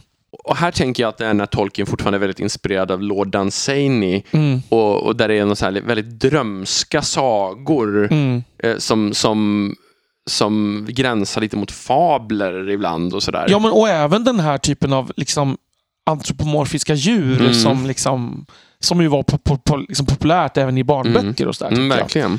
Um, så det är ju antropomorfa djur kanske det heter förresten. Ja, det heter det nog. Ja. ja. Um, men, men, men, men, och det roliga tycker jag i det här är ju att han sen då bevarar den här hund hundgrejen i berättelsen. Fast katten in, är borta. Fast katten är borta, mm. precis. Och det tycker jag är det, ska man säga, det, det är så typiskt tolken att någonting som det kan ju tyckas lite märkligt, men det har en förklaring i, i en äldre version. Mm. Liksom. Det är ju väldigt Tolkienskt. Alltså, det... För den som inte har läst ja. uh, The Book of Lost Tales, så precis som, som du säger Daniel, så är det ju liksom katternas första. Så, uh, han har ett mäktigt gyllene halsband med magiska egenskaper. Um, han bor i ett slott nära Angamandi som är alltså föregångaren till Angband. Uh, han hatar Hoan redan innan ja, berättelsen. Det, det vet, det förstår ja. man ju. Ja. Och det som händer då i den här berättelsen är att Beren blir slav i Tevildos kök när han blir tillfångatagen. Och, um, och Tvingas säga då, eh, skala potatis. Ja, och typ jaga råttor som är gigantiska. Och så här, ja. ja. Och det, och det är så här, han bor alltså i ett slott med bara en massa katter. Det är ja, en underbar precis. grej. Och då kom Tinoviel, som Luthien bara heter då ännu, ja, ja. Tinoviel kommer dit eh, och lurar Tevildo att Hoan ligger skadad så att han kan liksom plocka sin gamla fiende. Så hon lurar ut Tevildo och två av hans eh, anhängare i ett bakhåll där Hoan spelar skadad och sen kastar sig fram och dräper Tevildos närmste man Oikeroy ja. och en, jagar bort en av de andra och sen så jagar han upp Tevildo i ett träd och han släpper inte ner Tevildo ur trädet förrän han då har gett upp slottets magiska hemlighet, gett bort sitt magiska halsband och befriat Beren och Tinoviel. Mm. Och där är ju det där motivet som sen finns kvar med liksom det, tornets magiska sammanhållande kraft mm. finns redan i den här versionen. Lite mindre musikaliskt bara. Verkligen. Mm. Um, och när Tevildo då återvänder uh, från det här totala misslyckandet så blir Melkor Oko, som är Melkors dåvarande namn, så förbannad att han bannlyser Tevildo. Och Tevildo då vill ha tillbaka sin makt och är väldigt arg och, eh, och, och upprörd. Och det är därför, menar Tolkien, som katter lever såna bitter lives. Mm. Tolkien hatar katter. Så han förklarar katters ogirighet genom, genom det här. Ja, men det, är, det, är, det, är, det är ungefär samma drivkraft som hur han förklarar hur golf uppfinns. På något ja. sätt. Alltså, det är så mycket i det här som är, liksom, är verkligen fabel som mm. ska förklara någonting. Det är väldigt gulligt. Precis, men det finns en annan gestalt i The Lost Tale som är en annan del av det som sen ska bli Sauron. Det är en eh, närmste mannen, så att säga, den rollen, mm. uh, hålls av en, en, ett väsen som kallas för Funkil. Um, som leder onda dvärgar. Mm. Uh, så de två tillsammans, Tevildo och Funkil, smälter ihop till en ny gestalt i nästa version av den här som heter The Lay of Lathian i diktverk som Tolkien skriver mellan 1925 och 1931. Och då heter den här protosauron Thu the Necromancer, mm. THU med cirkumflex. Och det finns några andra, sen utvecklas namnet till Gorthu och sen till Sur och till slut till Sauron. Så. Mm -hmm. Men jag vill bara säga, jag som alltid brukar säga när vi pratar Book of Lost Tales, Alltså de är ju väldigt läsvärda utifrån helt egna premisser tycker ja, jag. Alltså, bara, om man inte orkar läsa alla Christopher Tolkiens anteckningar kan man bara liksom hoppa in och läsa några av mm. de litterära delarna. De är väldigt mysiga och har en väldigt speciell stämning. De har jag faktiskt hemma. Det är de enda jag har tror jag. Av... The History of Middle Earth? Ja. Mm. De, de enda ja. som finns översatta också till svenska ja, det ska man säga. Det, det kan de jag ha med saken att göra. Mm. Uh, och om den här Thu det här med när han kallas för the necromancer så står det att he held his hosts of phantoms and wandering ghosts. Mm. Så att det, det, här finns det ju något o, de odöda som dyker in här. Som, som, det namnet finns ju kvar på Sauron men även om det här temat med vad han faktiskt uppväcker från de döda är väldigt vagt. Um, det finns en, ett resonemang i ett väldigt sent en väldigt sen anteckning där Tolkien skriver någon typ av essä och hävdar att an anledningen till att han är nekromantiker är att det är på något sätt kopplat till själar från döda alver som inte har fått någon ny kropp i den här reinkarnationen än. Mm. Han försöker liksom kapa deras fär, som han kallar dem, själar. Um, så, men det tror jag är en efterkonstruktion av Tolkien för han tyckte namnet var balt från början. Det, det, är precis vad jag tänkte, exakt vad jag tänkte säga. Fast jag tänkte använda ordet coolt. Ja. Nej, men jag tror verkligen att det, det låter ju det låter obehagligt och mörkt och häftigt med en necromancer. Mm. Liksom. Men det har ju ingen... Ja, nej precis. Och det är jag, tycker det... jag, jag vet inte, jag tycker inte riktigt det passar in. Nej, jag tycker också att det är lite off faktiskt. Ja, ja.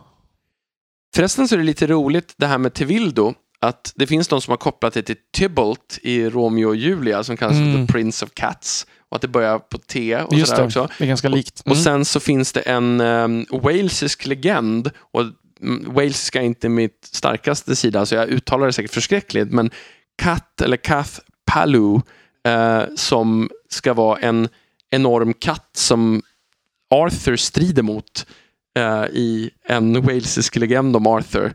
Och att det också kan ha varit en inspiration till Tevildo-gestalten. Alltså när han fortfarande var i kattform. Mm. Men gradvis efter eh, The Lay of Lathian så blir Thu med de senare namnen allt mer lik den Sauron vi ser i den publicerade Silmarillion. Så där är det nog ingen idé att gå in på detaljstegen utan där börjar han bli den här mörka herren över tornet och liksom ränksmidaren kan man väl säga.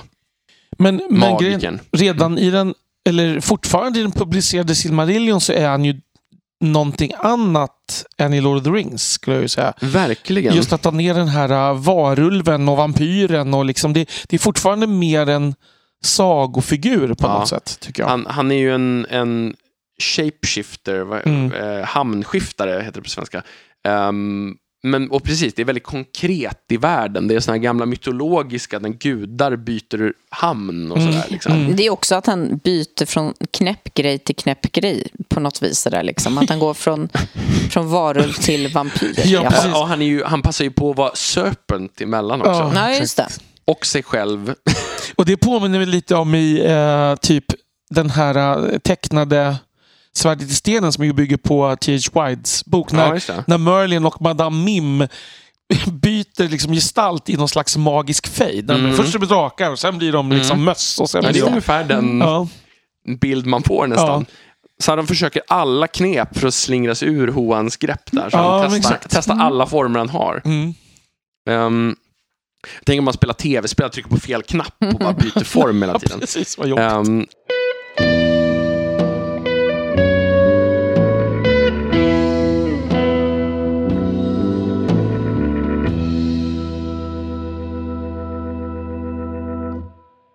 jag tänker att nu är vi väl framme vid ett ställe där det blir rimligt att resonera kring den Sauron-gestalt som vi möter i Lord of the Rings. Vad den innebär och hur den är kopplad till Tolkiens syn på ondska och sådär. Mm. Mm. Och hur vi tänker och känner kring Sauron, så att säga. Alltså, jag brukar ju, och det, men ur ett annat perspektiv så brukar jag ju prata om det här som en, en eh, kritik mot Åke Olmarks. Eftersom han ju förvanskar ju hela Tolkiens syn på ondska. Men, men, och det är ju det här lilla stycket när Frodo tittar i Galadriels spegel. Mm. Och när, när han då ser Saurons öga och det liksom är, pupillen är som um, Tolkien skrev Window into nothing. Mm. Och som då Olmarks får till ett schakt ner i helvetet.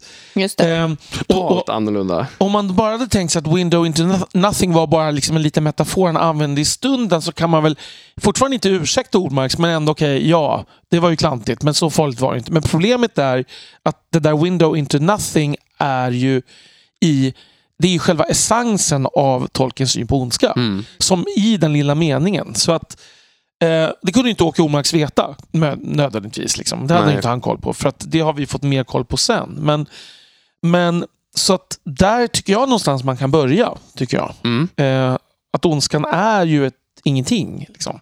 Och det kommer ju fram väldigt tydligt i en grej som också finns i The Letters of J.R.R. Tolkien.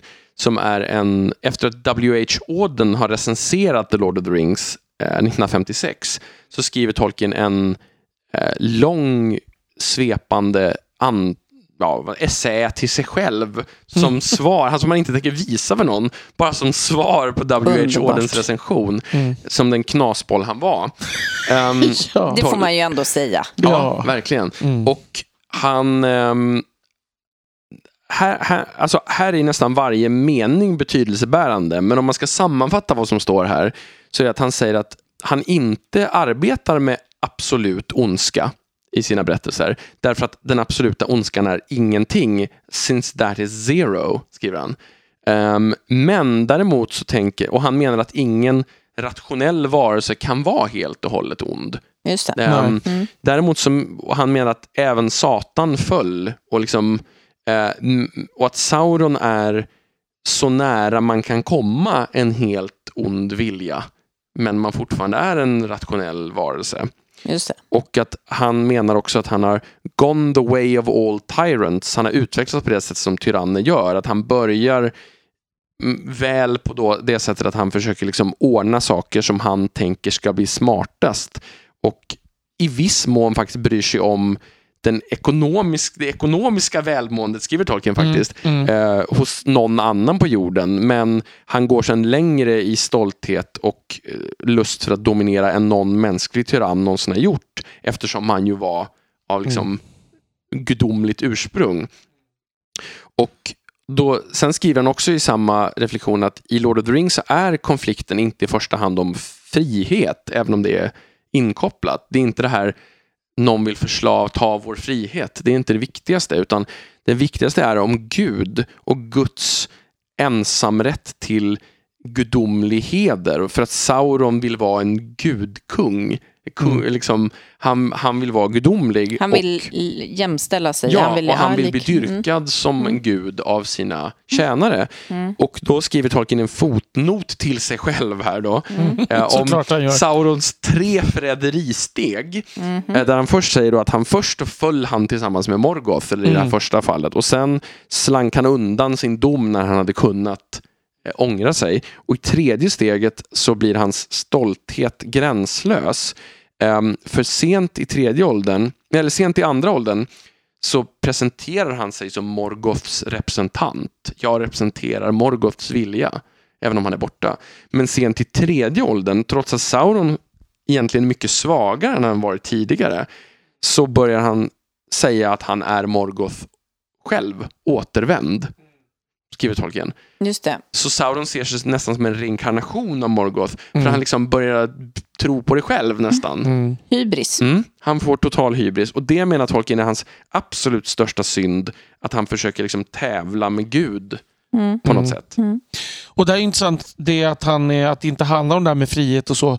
För att det gör det ju inomvärldsligt. Ja. Men, men det, är ju det, här, det är väl här liksom en av de bitarna där Tolkien menar att det här verket är ett kristet verk. Mm. För att, det, är- att man tävlar inte...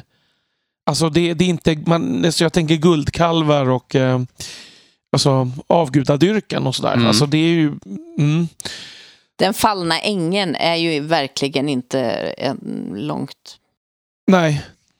Men, men jag tycker att det här, är- det här med Tolkiens syn att ondskan är ingenting. Jag funderade lite på det tidigare idag här. Det är ju... Det är, han är ju säkert inte först med, med den tanken, men det är ju inte nödvändigtvis en biblisk syn på ondska som jag tänker det.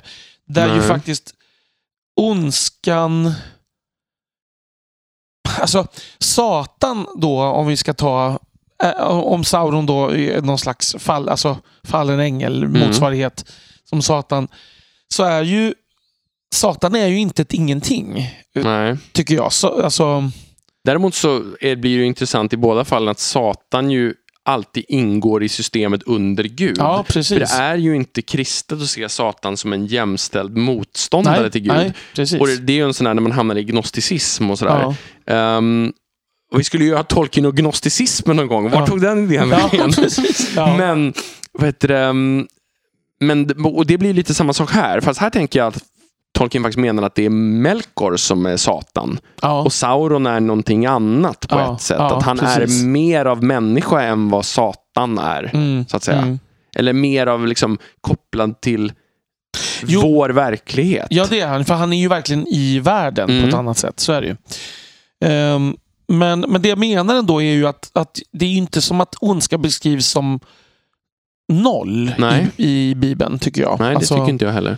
Ehm, och jag, men jag tänkte också på det. Jag läste här, bara om jag får ta en liten utvikning, att vad ondska är ur ett bibliskt pers- perspektiv är ju, vad ska man säga, inte självklart. För att, för att eh, jag läste tror på Twitter om det här med att en, en gud som orsakar Nomenors fall och dödar en massa oskyldiga barn. Liksom, Mm.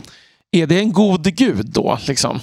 Eh, och det är ju det är en stor fråga. Samma fråga i Gamla Testamentet Exakt, det- många gånger. Ja. Och det är precis det jag menar. att Jag tror att vad ondska och godhet är, är inte alltid helt relevant om man tittar i Gamla Testamentet. Nej. För det är inte det det handlar om liksom, Nej. riktigt. Utan det handlar om, är det min gud eller är det din gud? Precis, liksom? men sen handlar det väl också ibland om att man, alltså just att Gamla och Nya Testamentet har bildat en religion tillsammans. Ja, ja, man försöker sila Gamla Testamentet genom Nya Testamentets Gud. Liksom. Jo, det, precis, för att det, det är ju i och med Jesus så kommer det nya förbundet Mm. och då behöver man inte egentligen inte... Alltså, Nej. det, Det är ja. väl mer att, att Gud är i både gamla och nya. Gud är Gud oavsett eh, vad han väljer att göra. Mm. Eh, Ja, precis. För jag tänker att det här att den moderna, inom citationstecken, synen att Gud är ren godhet. Jag tror inte det, det är inte poängen i mycket av Gamla Testamentet ens. Nej. Liksom. Och det är det jag tänker kanske här att Alltså Tolkien, det blir ju en strid mellan ont och gott ändå, då, där Sauron ju är närmare den absoluta ondskan. Mm. Och, och i ett annat brev från 1954, så, så skriver, eller ett utkast till ett brev, så, nummer 156 för övrigt, så skriver, skriver Tolkien No Dark Lord or Satanic Demon, komma, Sauron or any other. Så att han, sat, Mm. eh, satanisk demon, liksom kallar Mm. han ju honom rakt ut här. Mm. Så att han är ju väldigt nära det ändå. Mm. Ja, men Så. verkligen. Ja. Mm. Men, men det är ju också så att en poäng med hela Lord of the Rings är också att ondskan är helt anonym.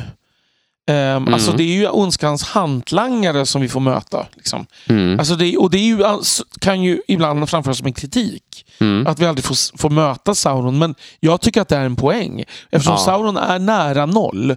Varför ska vi möta honom? Vad, Nej. en dialog med Sauron vore ju helt meningslös då. liksom. Verkligen, och jag tänker att det där också, det finns ett, ett råd från Stephen King, alltså som handlar om... Till, inte tilltolka då. Det Nej, nej, nej, nej. Alltså ett Ja. råd kring, eh, till folk som vill skriva skräck. Ja. Men som kan vara relevant här. Det är inte exakt samma sak, Mm. men det, det går att göra en överföring.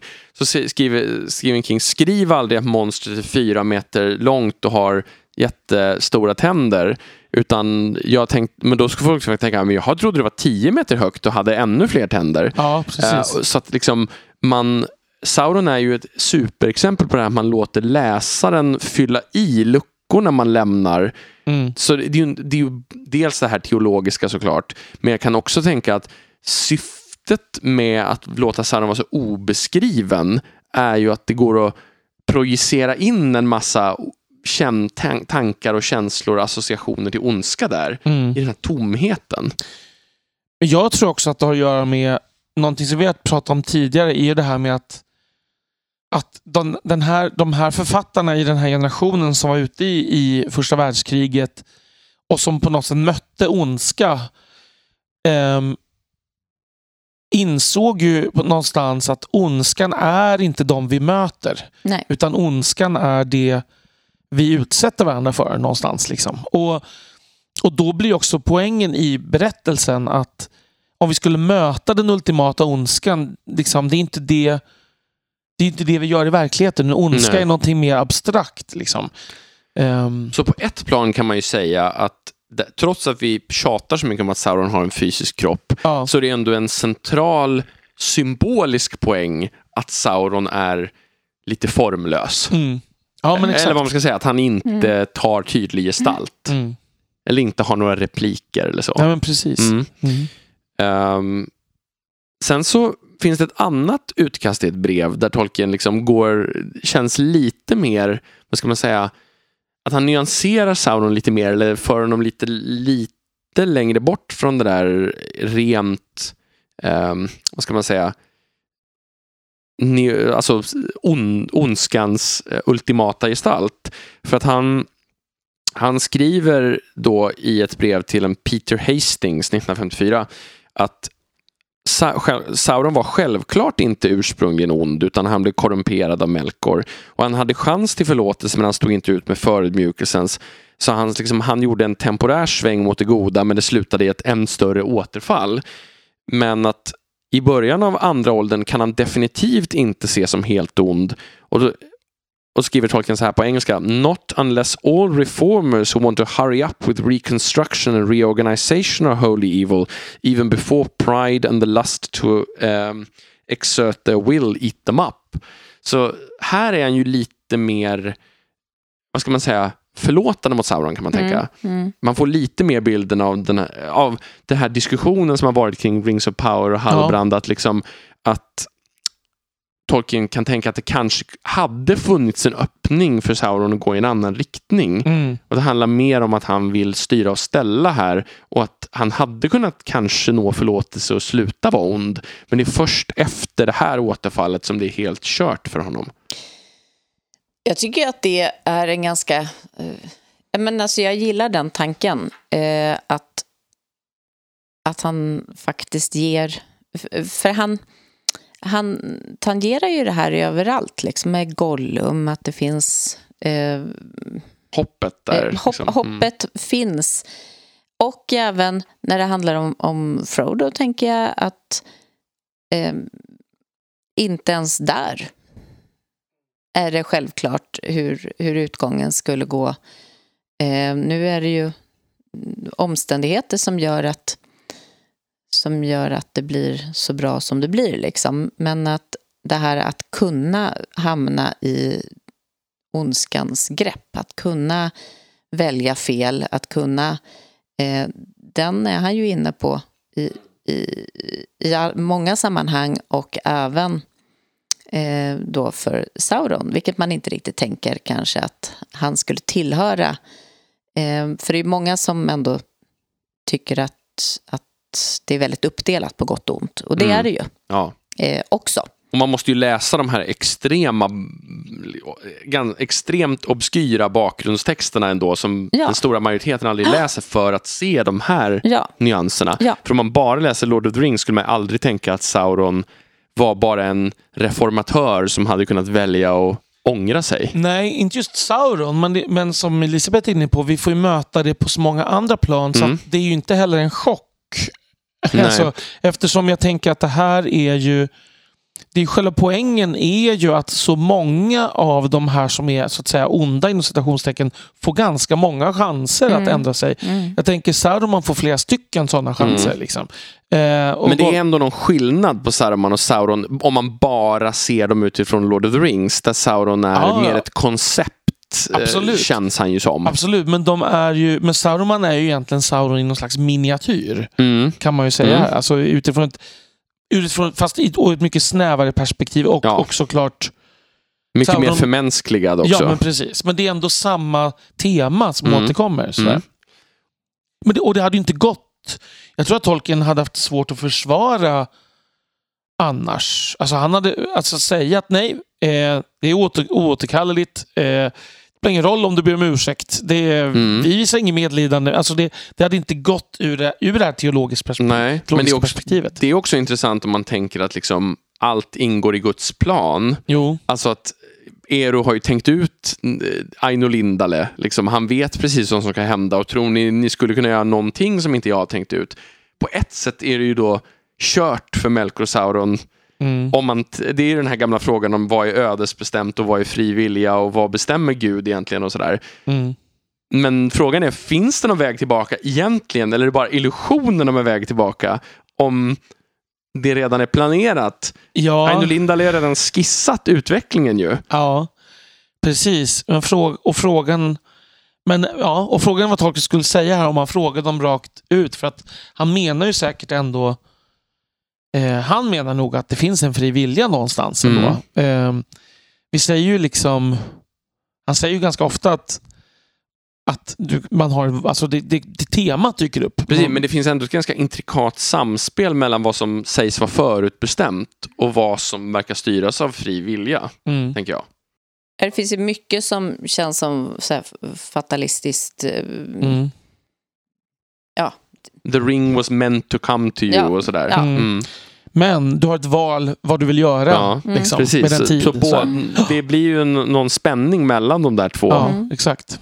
Och det är väl en spänning som finns i de abrahamitiska religionerna på många sätt. Ja. Ja, Ja. exakt.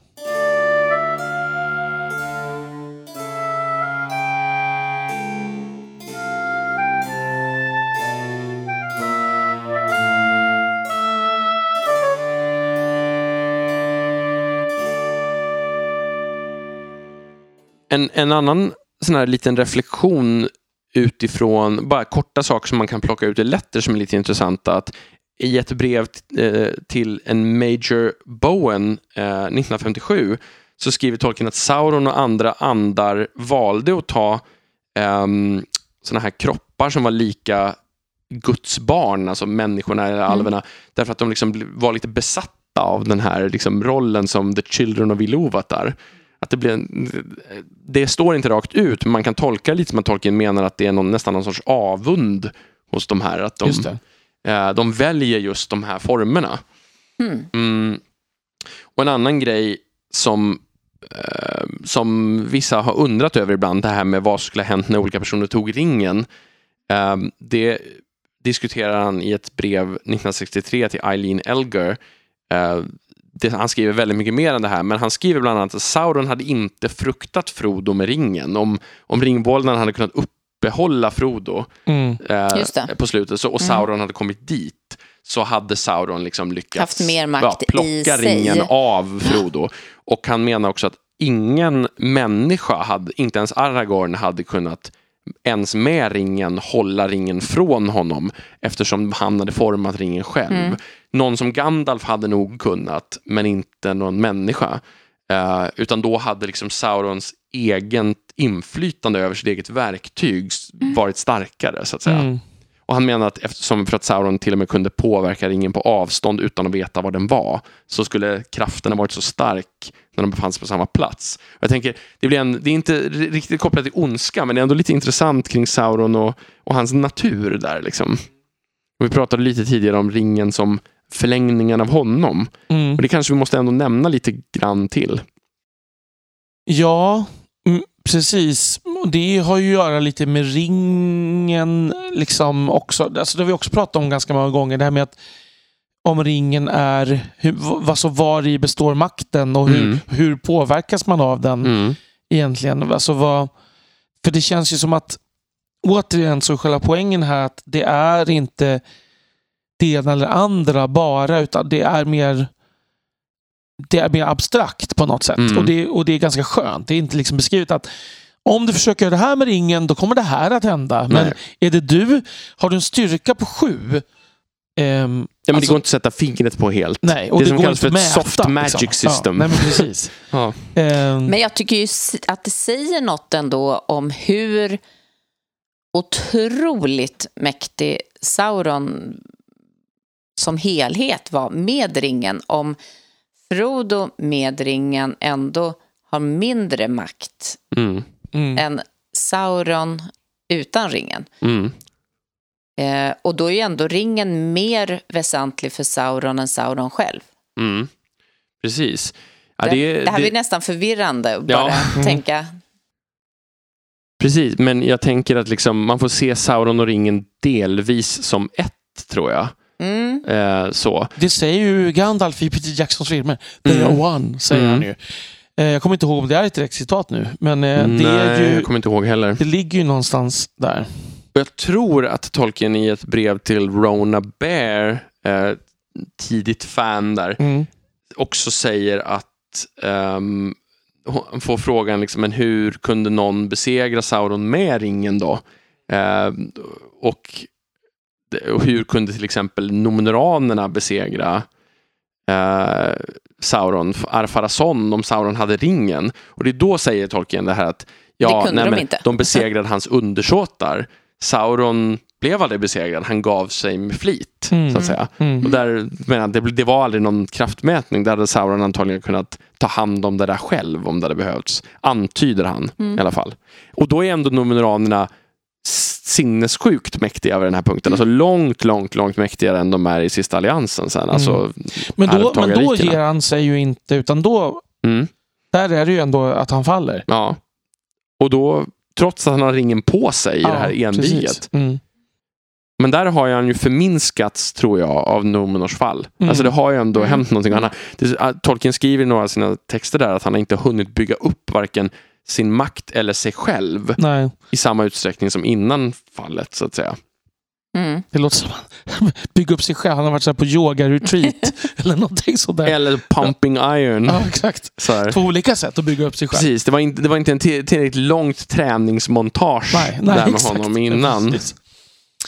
Eh, en aspekt som jag tycker ändå vi ska gå in lite på eh, är liksom ett, någon slags politiskt, liksom, även, om, även om det nu absolut inte en allegori och även om vi då kan ta koll på Olmarks idé om att Sauron är Stalin. Mm. Eh, För där skriver Tolkien inte bara att han säger emot det, utan Mm. han säger, han skriver till Allen and Unwin att det här gör mig faktiskt väldigt arg. Mm. Så där tror jag att det är långt ifrån sanningen. Det är ju inte bara så att han säger nej, så är det inte. För att liksom på något sätt ducka fast han egentligen menar det. Utan det, det blir han faktiskt förbannad på det Mm. förslaget. Mm. Han säger att den här, jag hade idéer kring det här innan ryska revolutionen. precis. Så, Men, men, ska jag ändå lägga till. Och det, här, är, Mm. det, är inte, det här är inte mina helt egna tankar, utan det Nej, här är ju sånt som Anna, Anna har sagt. Det finns ju ändå någonting i, i att tolk, alltså tolkens avsky mot totalitära regimer mm, som syns. För att det som ofta tas upp är ju att i, i, i västern så att säga här är ju ett pluralistiskt system Mm. med många ringar, många folkslag. Men I ondskans fall så är det alltså en ring, Mm. ett öga. Även om det nu är Mm. en, inte ett bokstavligt öga så är det ändå Mm. Mm. ett öga. Eh, det, man får ju också, alltså ondskans hantlangare likrik, likriktas ju i att tycka en sak, även om det inte lyckas fullt Mm. ut. Alltså orkerna har ju egna viljor. Och men sen styrs de ju och blir helt lealösa när Sauron Ja, försvinner precis. också. Så det finns ju någon sorts mind control inblandad. Exakt, och det är ju den här uh, kopplingen, alltså den centrala makten styr allting och likriktar allting och Mm. allting är ett. Som ju såklart ändå säger något om Tolkiens syn på världens system, så Mm. att säga. Och om man tittar i Letters kan man ju se att han, han hatar alla antydningar till maktansamling. Mm. Alltså att han, han avskyr brittiska politiker i demokratiska systemet också, inte i närheten av lika mycket. Men så fort någon börjar liksom samla på sig makt och vilja styra mer centralt så Mm. blir Tolkien väldigt anti. Så, att- så att även om det då inte är en allegori så finns det ju ändå appli, app, applicability här. Mm. Alltså, eh, om, som säger något om världen, tror jag ändå. Liksom. Mm. Absolut, det kan man nog hävda. Sen Simon Tolkien har ju hävdat också att Mordor och hela det där är i mycket högre utsträckning än det har eh, pratats om innan präglat av första världskriget och ingenmansland och sådär. Mm. Liksom att, och då, det passar ihop ganska bra med det här som du föreslog för en stund sedan Daniel, med, med liksom ondskan som det som hände, det som uppstod i, Mm. i eh, vad ska man säga, den besinningslösa slakten på något sätt. Och det antyder de faktiskt, eller den tanken verkar de jobba lite med i den här filmatiseringen Tolkien, Mm. eh, den, med den här finska regissören Mm. eh, häromåret. Där, men tanken, när han är på slagfältet och liksom ser Balroger i, Mm. I, Balroger i liksom explosioner och sådana där saker. Och eh, anstormande svarta ryttare i rökmolnen och sådär. Eh, det, det, kände, det tyckte jag var en ganska snygg lösning ja. på den inspirationen. Kan Mm. man säga. En annan sak som händer tycker jag när, när ondskan liksom går från Morgoth till Sauron är ju, och det här går- kommer gå att hitta massa undantag på, men det är ju som att ondskan går från att vara kyla till hetta på något sätt. Mm. Alltså att, mm, jag tänk, Och då är det ju rent liksom geografiskt, alltså att det är liksom uppe i norr i is, en Mm. isvärld liksom där eh, Otomno befinner Mm. sig, till att det är ett eldberg som är symbolen Mm. för Mordor. Liksom. Ice on fire. Mm. Mm. Och det, det kan man ju Ja, göra en, precis.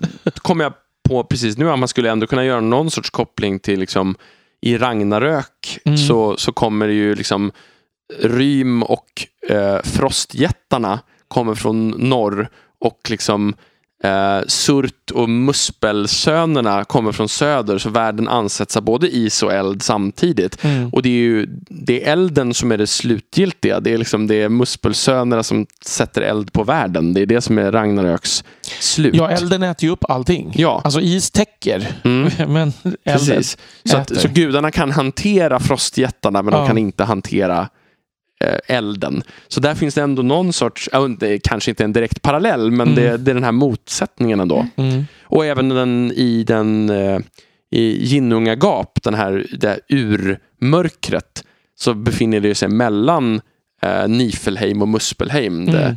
Mm. liksom kylan och, och där skapas ju också världen. Mm. Så det är en lite intressant motsättning att världen uppstår i parallellen mellan kyla och hetta Mm. och un går under också där, i det. Det är väl också en väldigt fin cirkel som sluts då, kan Mm. man väl säga. Och dessutom finns det ju en cyklisk, världen återföds ju igen efter Ja, Ragnarök ja. dessutom. Så att det är ju såna här gamla cykliska religioner också. Mm. Men det är väl också, en, man skulle kunna säga att det är väldigt fint, liksom en parallell till Big Bang och universum som föds. Och så. Mhm.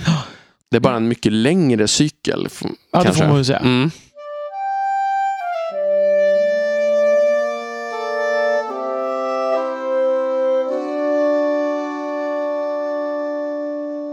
Om man tänker lite så här utanför då, liksom, vad, vad har Tolkien haft för förebilder när han har skapat Sauron? Eh, och vad, och vad liksom har kommit i Saurons kölvatten? Så att Mm. säga.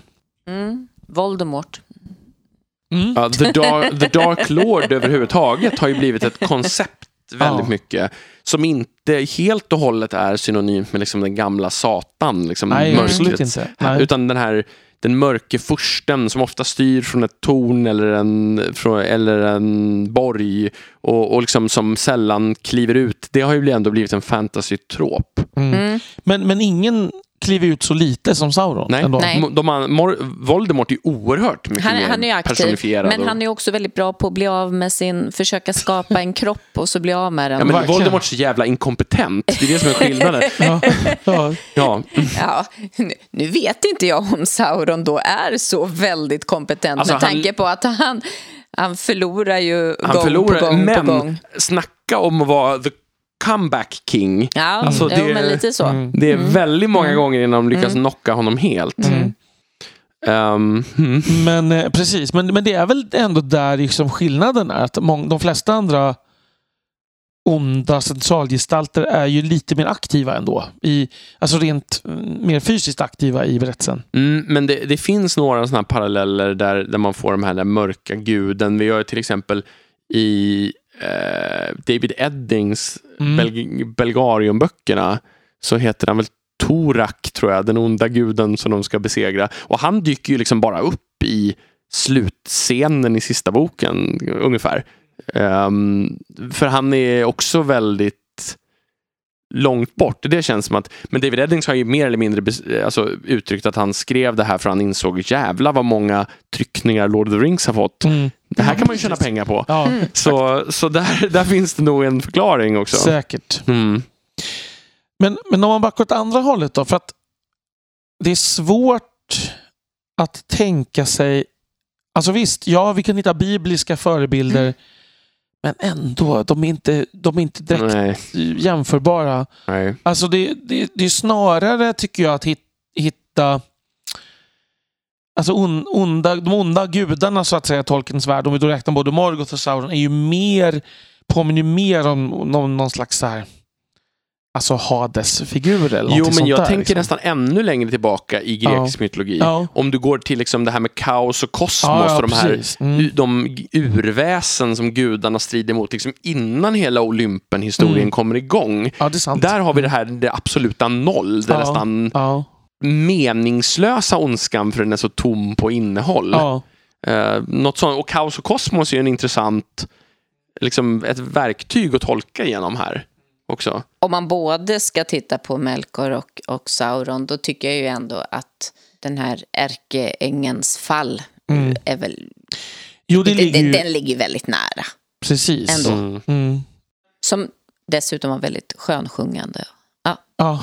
Men Sauron som han är i Lord of the Rings då? Om vi tittar Mm. där, för det är ju ändå Mm. den mest tydliga, Mm. eller ja, eller tydliga, men den, den så här, störst roll. Då är Mm. frågan, vad finns det för förebilder där? För där Eh, eh, Jag tänkte faktiskt dra en till Mm. mot Bibeln. Och det är ju att där kan du också prata om någon som är väldigt inte så fysisk och aktiv. Där är ju också en likhet ja, just faktiskt. det. Mm. Men annars den här skurken. Jag får en association. Ja, ja, Big Brother 1984. ja, Det, är alltså, det finns ju åtminstone sättet att prata om. absolut. Finns det, känns som att det kan finnas en parallell. Ja, det, och, ja, det politiska systemet. Ja, men precis. också. Alltså, Ja. men, men, men bara det Men- här liksom att, att det är som en övergripande, ett övergripande koncept som de Mm. ondas underhuggare refererar till, Mm. men som inte griper in. Och typ ögon som ser allt. form, precis. Ja, också. Alltså det, Ja. det känns ju ändå som att det finns en Men- likhet. Men nu är det väl så att, nu ska vi se, den kom ut 1948. Eller ja, den, eller den kom väl inte ut 1948, den kom ut 49 tror jag. Ja, jag, han skrev jag, det- jag hade sagt 49 på ren Han, för han, magkänsla. för det, men, han skrev den ju som, han kastade ju om Ja, siffrorna. precis. Eh, så 48 blev 84. Mm. Eh, men tolken i frågan om han läste den liksom... Det och- känns inte som tolken skulle uppskatta det, men han Nej. gillade ju ingenting. Nej, Så att- så, men, men, jag tänker fortfarande var han fick inspirationen ifrån. Nej, alltså, jag menar inte att han har inspirerats av 1984, men, Nej, jag, men men, däremot så kan jag tycka att det finns en parallell. Ja, absolut. Och man kan ju fundera på om det här med det totalitära och det Ja. där, att har influerat båda, fast på olika sätt. Absolut, Mm. det tror jag. Ja, alltså jag vill Eller fort... självklart har det influerat 1984. Ja, det är ingen ja. särskilt djärv tolkning. Nej, nej. Så. Och, var, var har du fått det ifrån? Ja. Precis. Nej, men det, det Den jag där får... Adam, Ja. vilken analys! Wow. Ja. Eh, nej, men det jag tänker är ju att alltså hur mycket en Tolkien he, he doth protest too much methinks Mm. ibland. Alltså även om jag, jag håller med, det är ju ingen allegori och sådär. Men det, Lord of the Rings är ju inte en bok som kunde ha varit skriven 50 år tidigare. Nej. Alltså, den, den kräver ju ändå sitt sammanhang i litteraturhistorien Mm. där den befinner sig. Liksom. Mm. Eh, det, sen skulle den kunna varit kanske skriven 20 år tidigare. Liksom, eller liksom. Mm. Men, men inte, det är inte, den kräver ju någon slags industrialisering och det krävs, en, Mm. det krävs ändå en kritik mot de här totalitära systemen. Och det krävs nog åtminstone ett världskrig. Ja, precis. Jag Mm. vet inte om vi- det sa något om Sauron, men Ja, men på något plan. Det, det, koncept, det konceptet Sauron, Mm. återigen. Mm. Alltså, men, för jag tycker ju att han är i Lord of the Rings fortfarande mer ett koncept än en person. mm, Mm. helt klart. Mm. En tanke. Mm. Men jag tänker den här anti-industrialism-delen, den tycker inte jag faller så mycket. Den faller lite på Sauron också, men den faller ju väldigt mycket på Sauroman. Så att Mm. Det, det är väl liksom lite det som är hans fall, eh, Mm. tänker jag. Medan Sauron är mer ondska som att vända sig från, från, liksom, från det som han är tänkt att vara skapad till. Mm. Det- gör ju Saur, eh, Sauroman också såklart. Men det är så väldigt mycket mer fokus på... Men det är väl kanske det att Sauron i hela berättelsen befinner sig på ett mer teologiskt plan. Mm. Medan Saruman jobbar på ett mer konkret plan och är en mer konkret person. Och då blir hans förräderi och hans brott också mer konkret. Mm. Medan Sauron, hans, det är snarast just det här att sätta sig upp mot Gud och, och liksom vara vara en, vad ska man säga, en dissonans i, i världens öde. Liksom, Mm. Som är hans roll och plats. Och då blir det så här, om hans stora brott hade varit att han eh, vet det, motoriserade jordbruket Ja. så hade det känts lite underwhelming. Så. Ja, ja. Ja. Verkligen. Ja. Han byggde en tegelbyggnad i Fylke. Ja, förskräckligt. Mm. Men, men det jag funderar på är ju egentligen, alltså, det är ju det som också är skillnaden. Man skulle ju kunna tänka sig att Sauron inte ens finns. Ja, Och berättelsen skulle fortfarande fungera. Att, Det har han, min att det bara är en myt. det har liksom. min pappa spånat någon gång för länge sedan.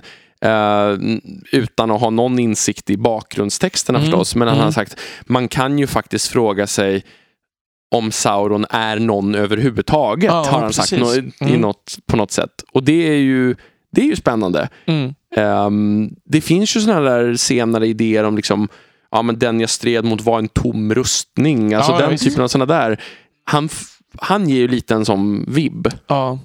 Jo, och liksom man skulle kunna se det som ett mytologiserande kring, alltså inomvärldsligt mytologiserande kring Mm. ondskan. Men problemet i det här är ju att eftersom typ, det finns personer som har mött Sauron, Mm. eftersom de är odödliga, Mm. så, så blir det ju liksom, det är ju där det faller. Alltså annars, annars hade det ju varit, Ja, om man bara hade läst Lord of the Rings också. ja, Ja, det finns väl enstaka gånger där också. Ja. Där, där, men, men, men på det rent symboliska planet Mm, så kan, ja. skulle man kunna tänka så. precis. Och när, det, när, när, det händer, när vi ser saker som Sauron gör i själva berättelsen så kommer det ju alltid så här. Det står ju oftast också att det kommer ett bud från Svarta tornet. ja, det är liksom, Sauron har inte pratat med någon face to face i de flesta situationer utan någon har berättat för någon som har berättat för någon att de ska göra det här. Om vi tänker på Shagrat och Gorbag som diskuterar liksom vad Lugburs vill eller Saurons mun kanske har träffat Sauron sannolikt. Men, men det är fortfarande väldigt oklart. Mm. Han Så är ju Saurons ja. mun. Ja. Liksom. Ja. Så egentligen efter sista alliansen så... Ja, Gollum har ju träffat Sauron. Ja. Han har ju en kropp. Mm, mm, Det vet vi ju helt säkert. mm. Mm. Men, Men Gollum skulle ju i teorin lika gärna kunna bli torterad av mm, Någon någon, annan. någon annan. som är utklädd till Sauron. Nej, För de tänker, nej medan men de som waterboardar liksom, Gollum så... nå, någon som... Alltså håller liv i den kulten där. Så. Ja, ja precis. Precis. Nu, nu menar vi alltså inte att det här är Tolkiens intention, Nej, utan det här är läsning. Ja. Ja, Det, ja. och det är inte ens en läsning som vi nej, gör kanske. nej, spekulation. Ja. Det, det är mer att det är ett intressant att tänka sig för att Sauron är så...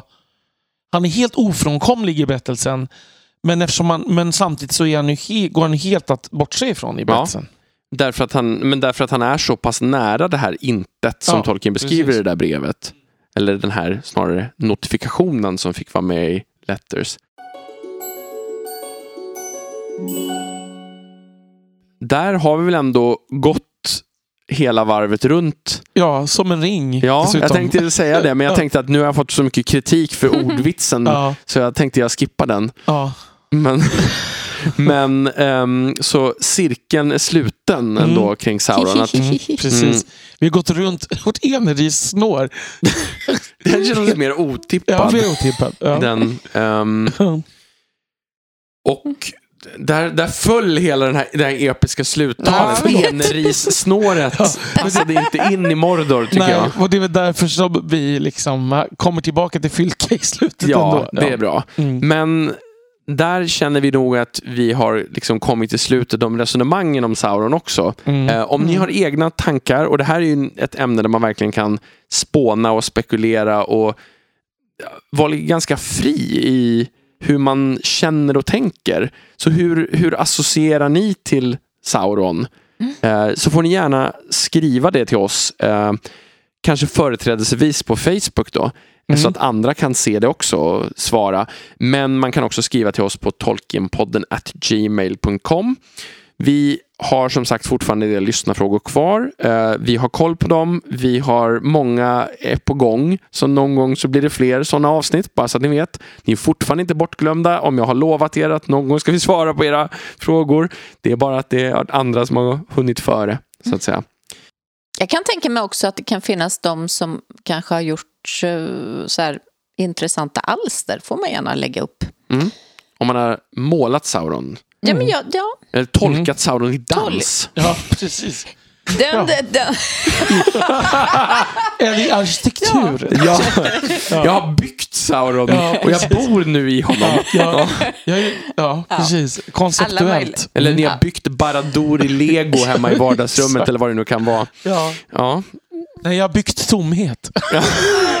precis. Ja. Ja. Ja, det är bäst vi nu slutar tror jag. går vi runt ett enebärsnår igen. Det, Här. det, ja, nej, det finns en risk för ganska hög pretentiositetsfaktor. Mm. Eh, heter det så ens? Pretentiös. Pretentionsfaktor. Pretentionsfaktor Mm. eh, kring det där med att bygga tomheten, tänker jag. Mm. Mm. Det gör vi varje dag i våra liv. Ja, nu går vi vidare. Tack Ja. så mycket. Ja, Vi hörs. tack så mycket. Ha Ha, god det så bra. jul så småningom. Ja, Ja, det önskar vi verkligen. god jul Ja. och hej då. Hej då! Hej hoj. hoj. hej hej. Oj! Ja, det får nog sluta så.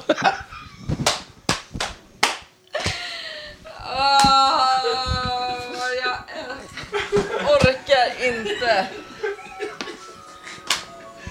Hej oj! Nästa Karlsson på tal.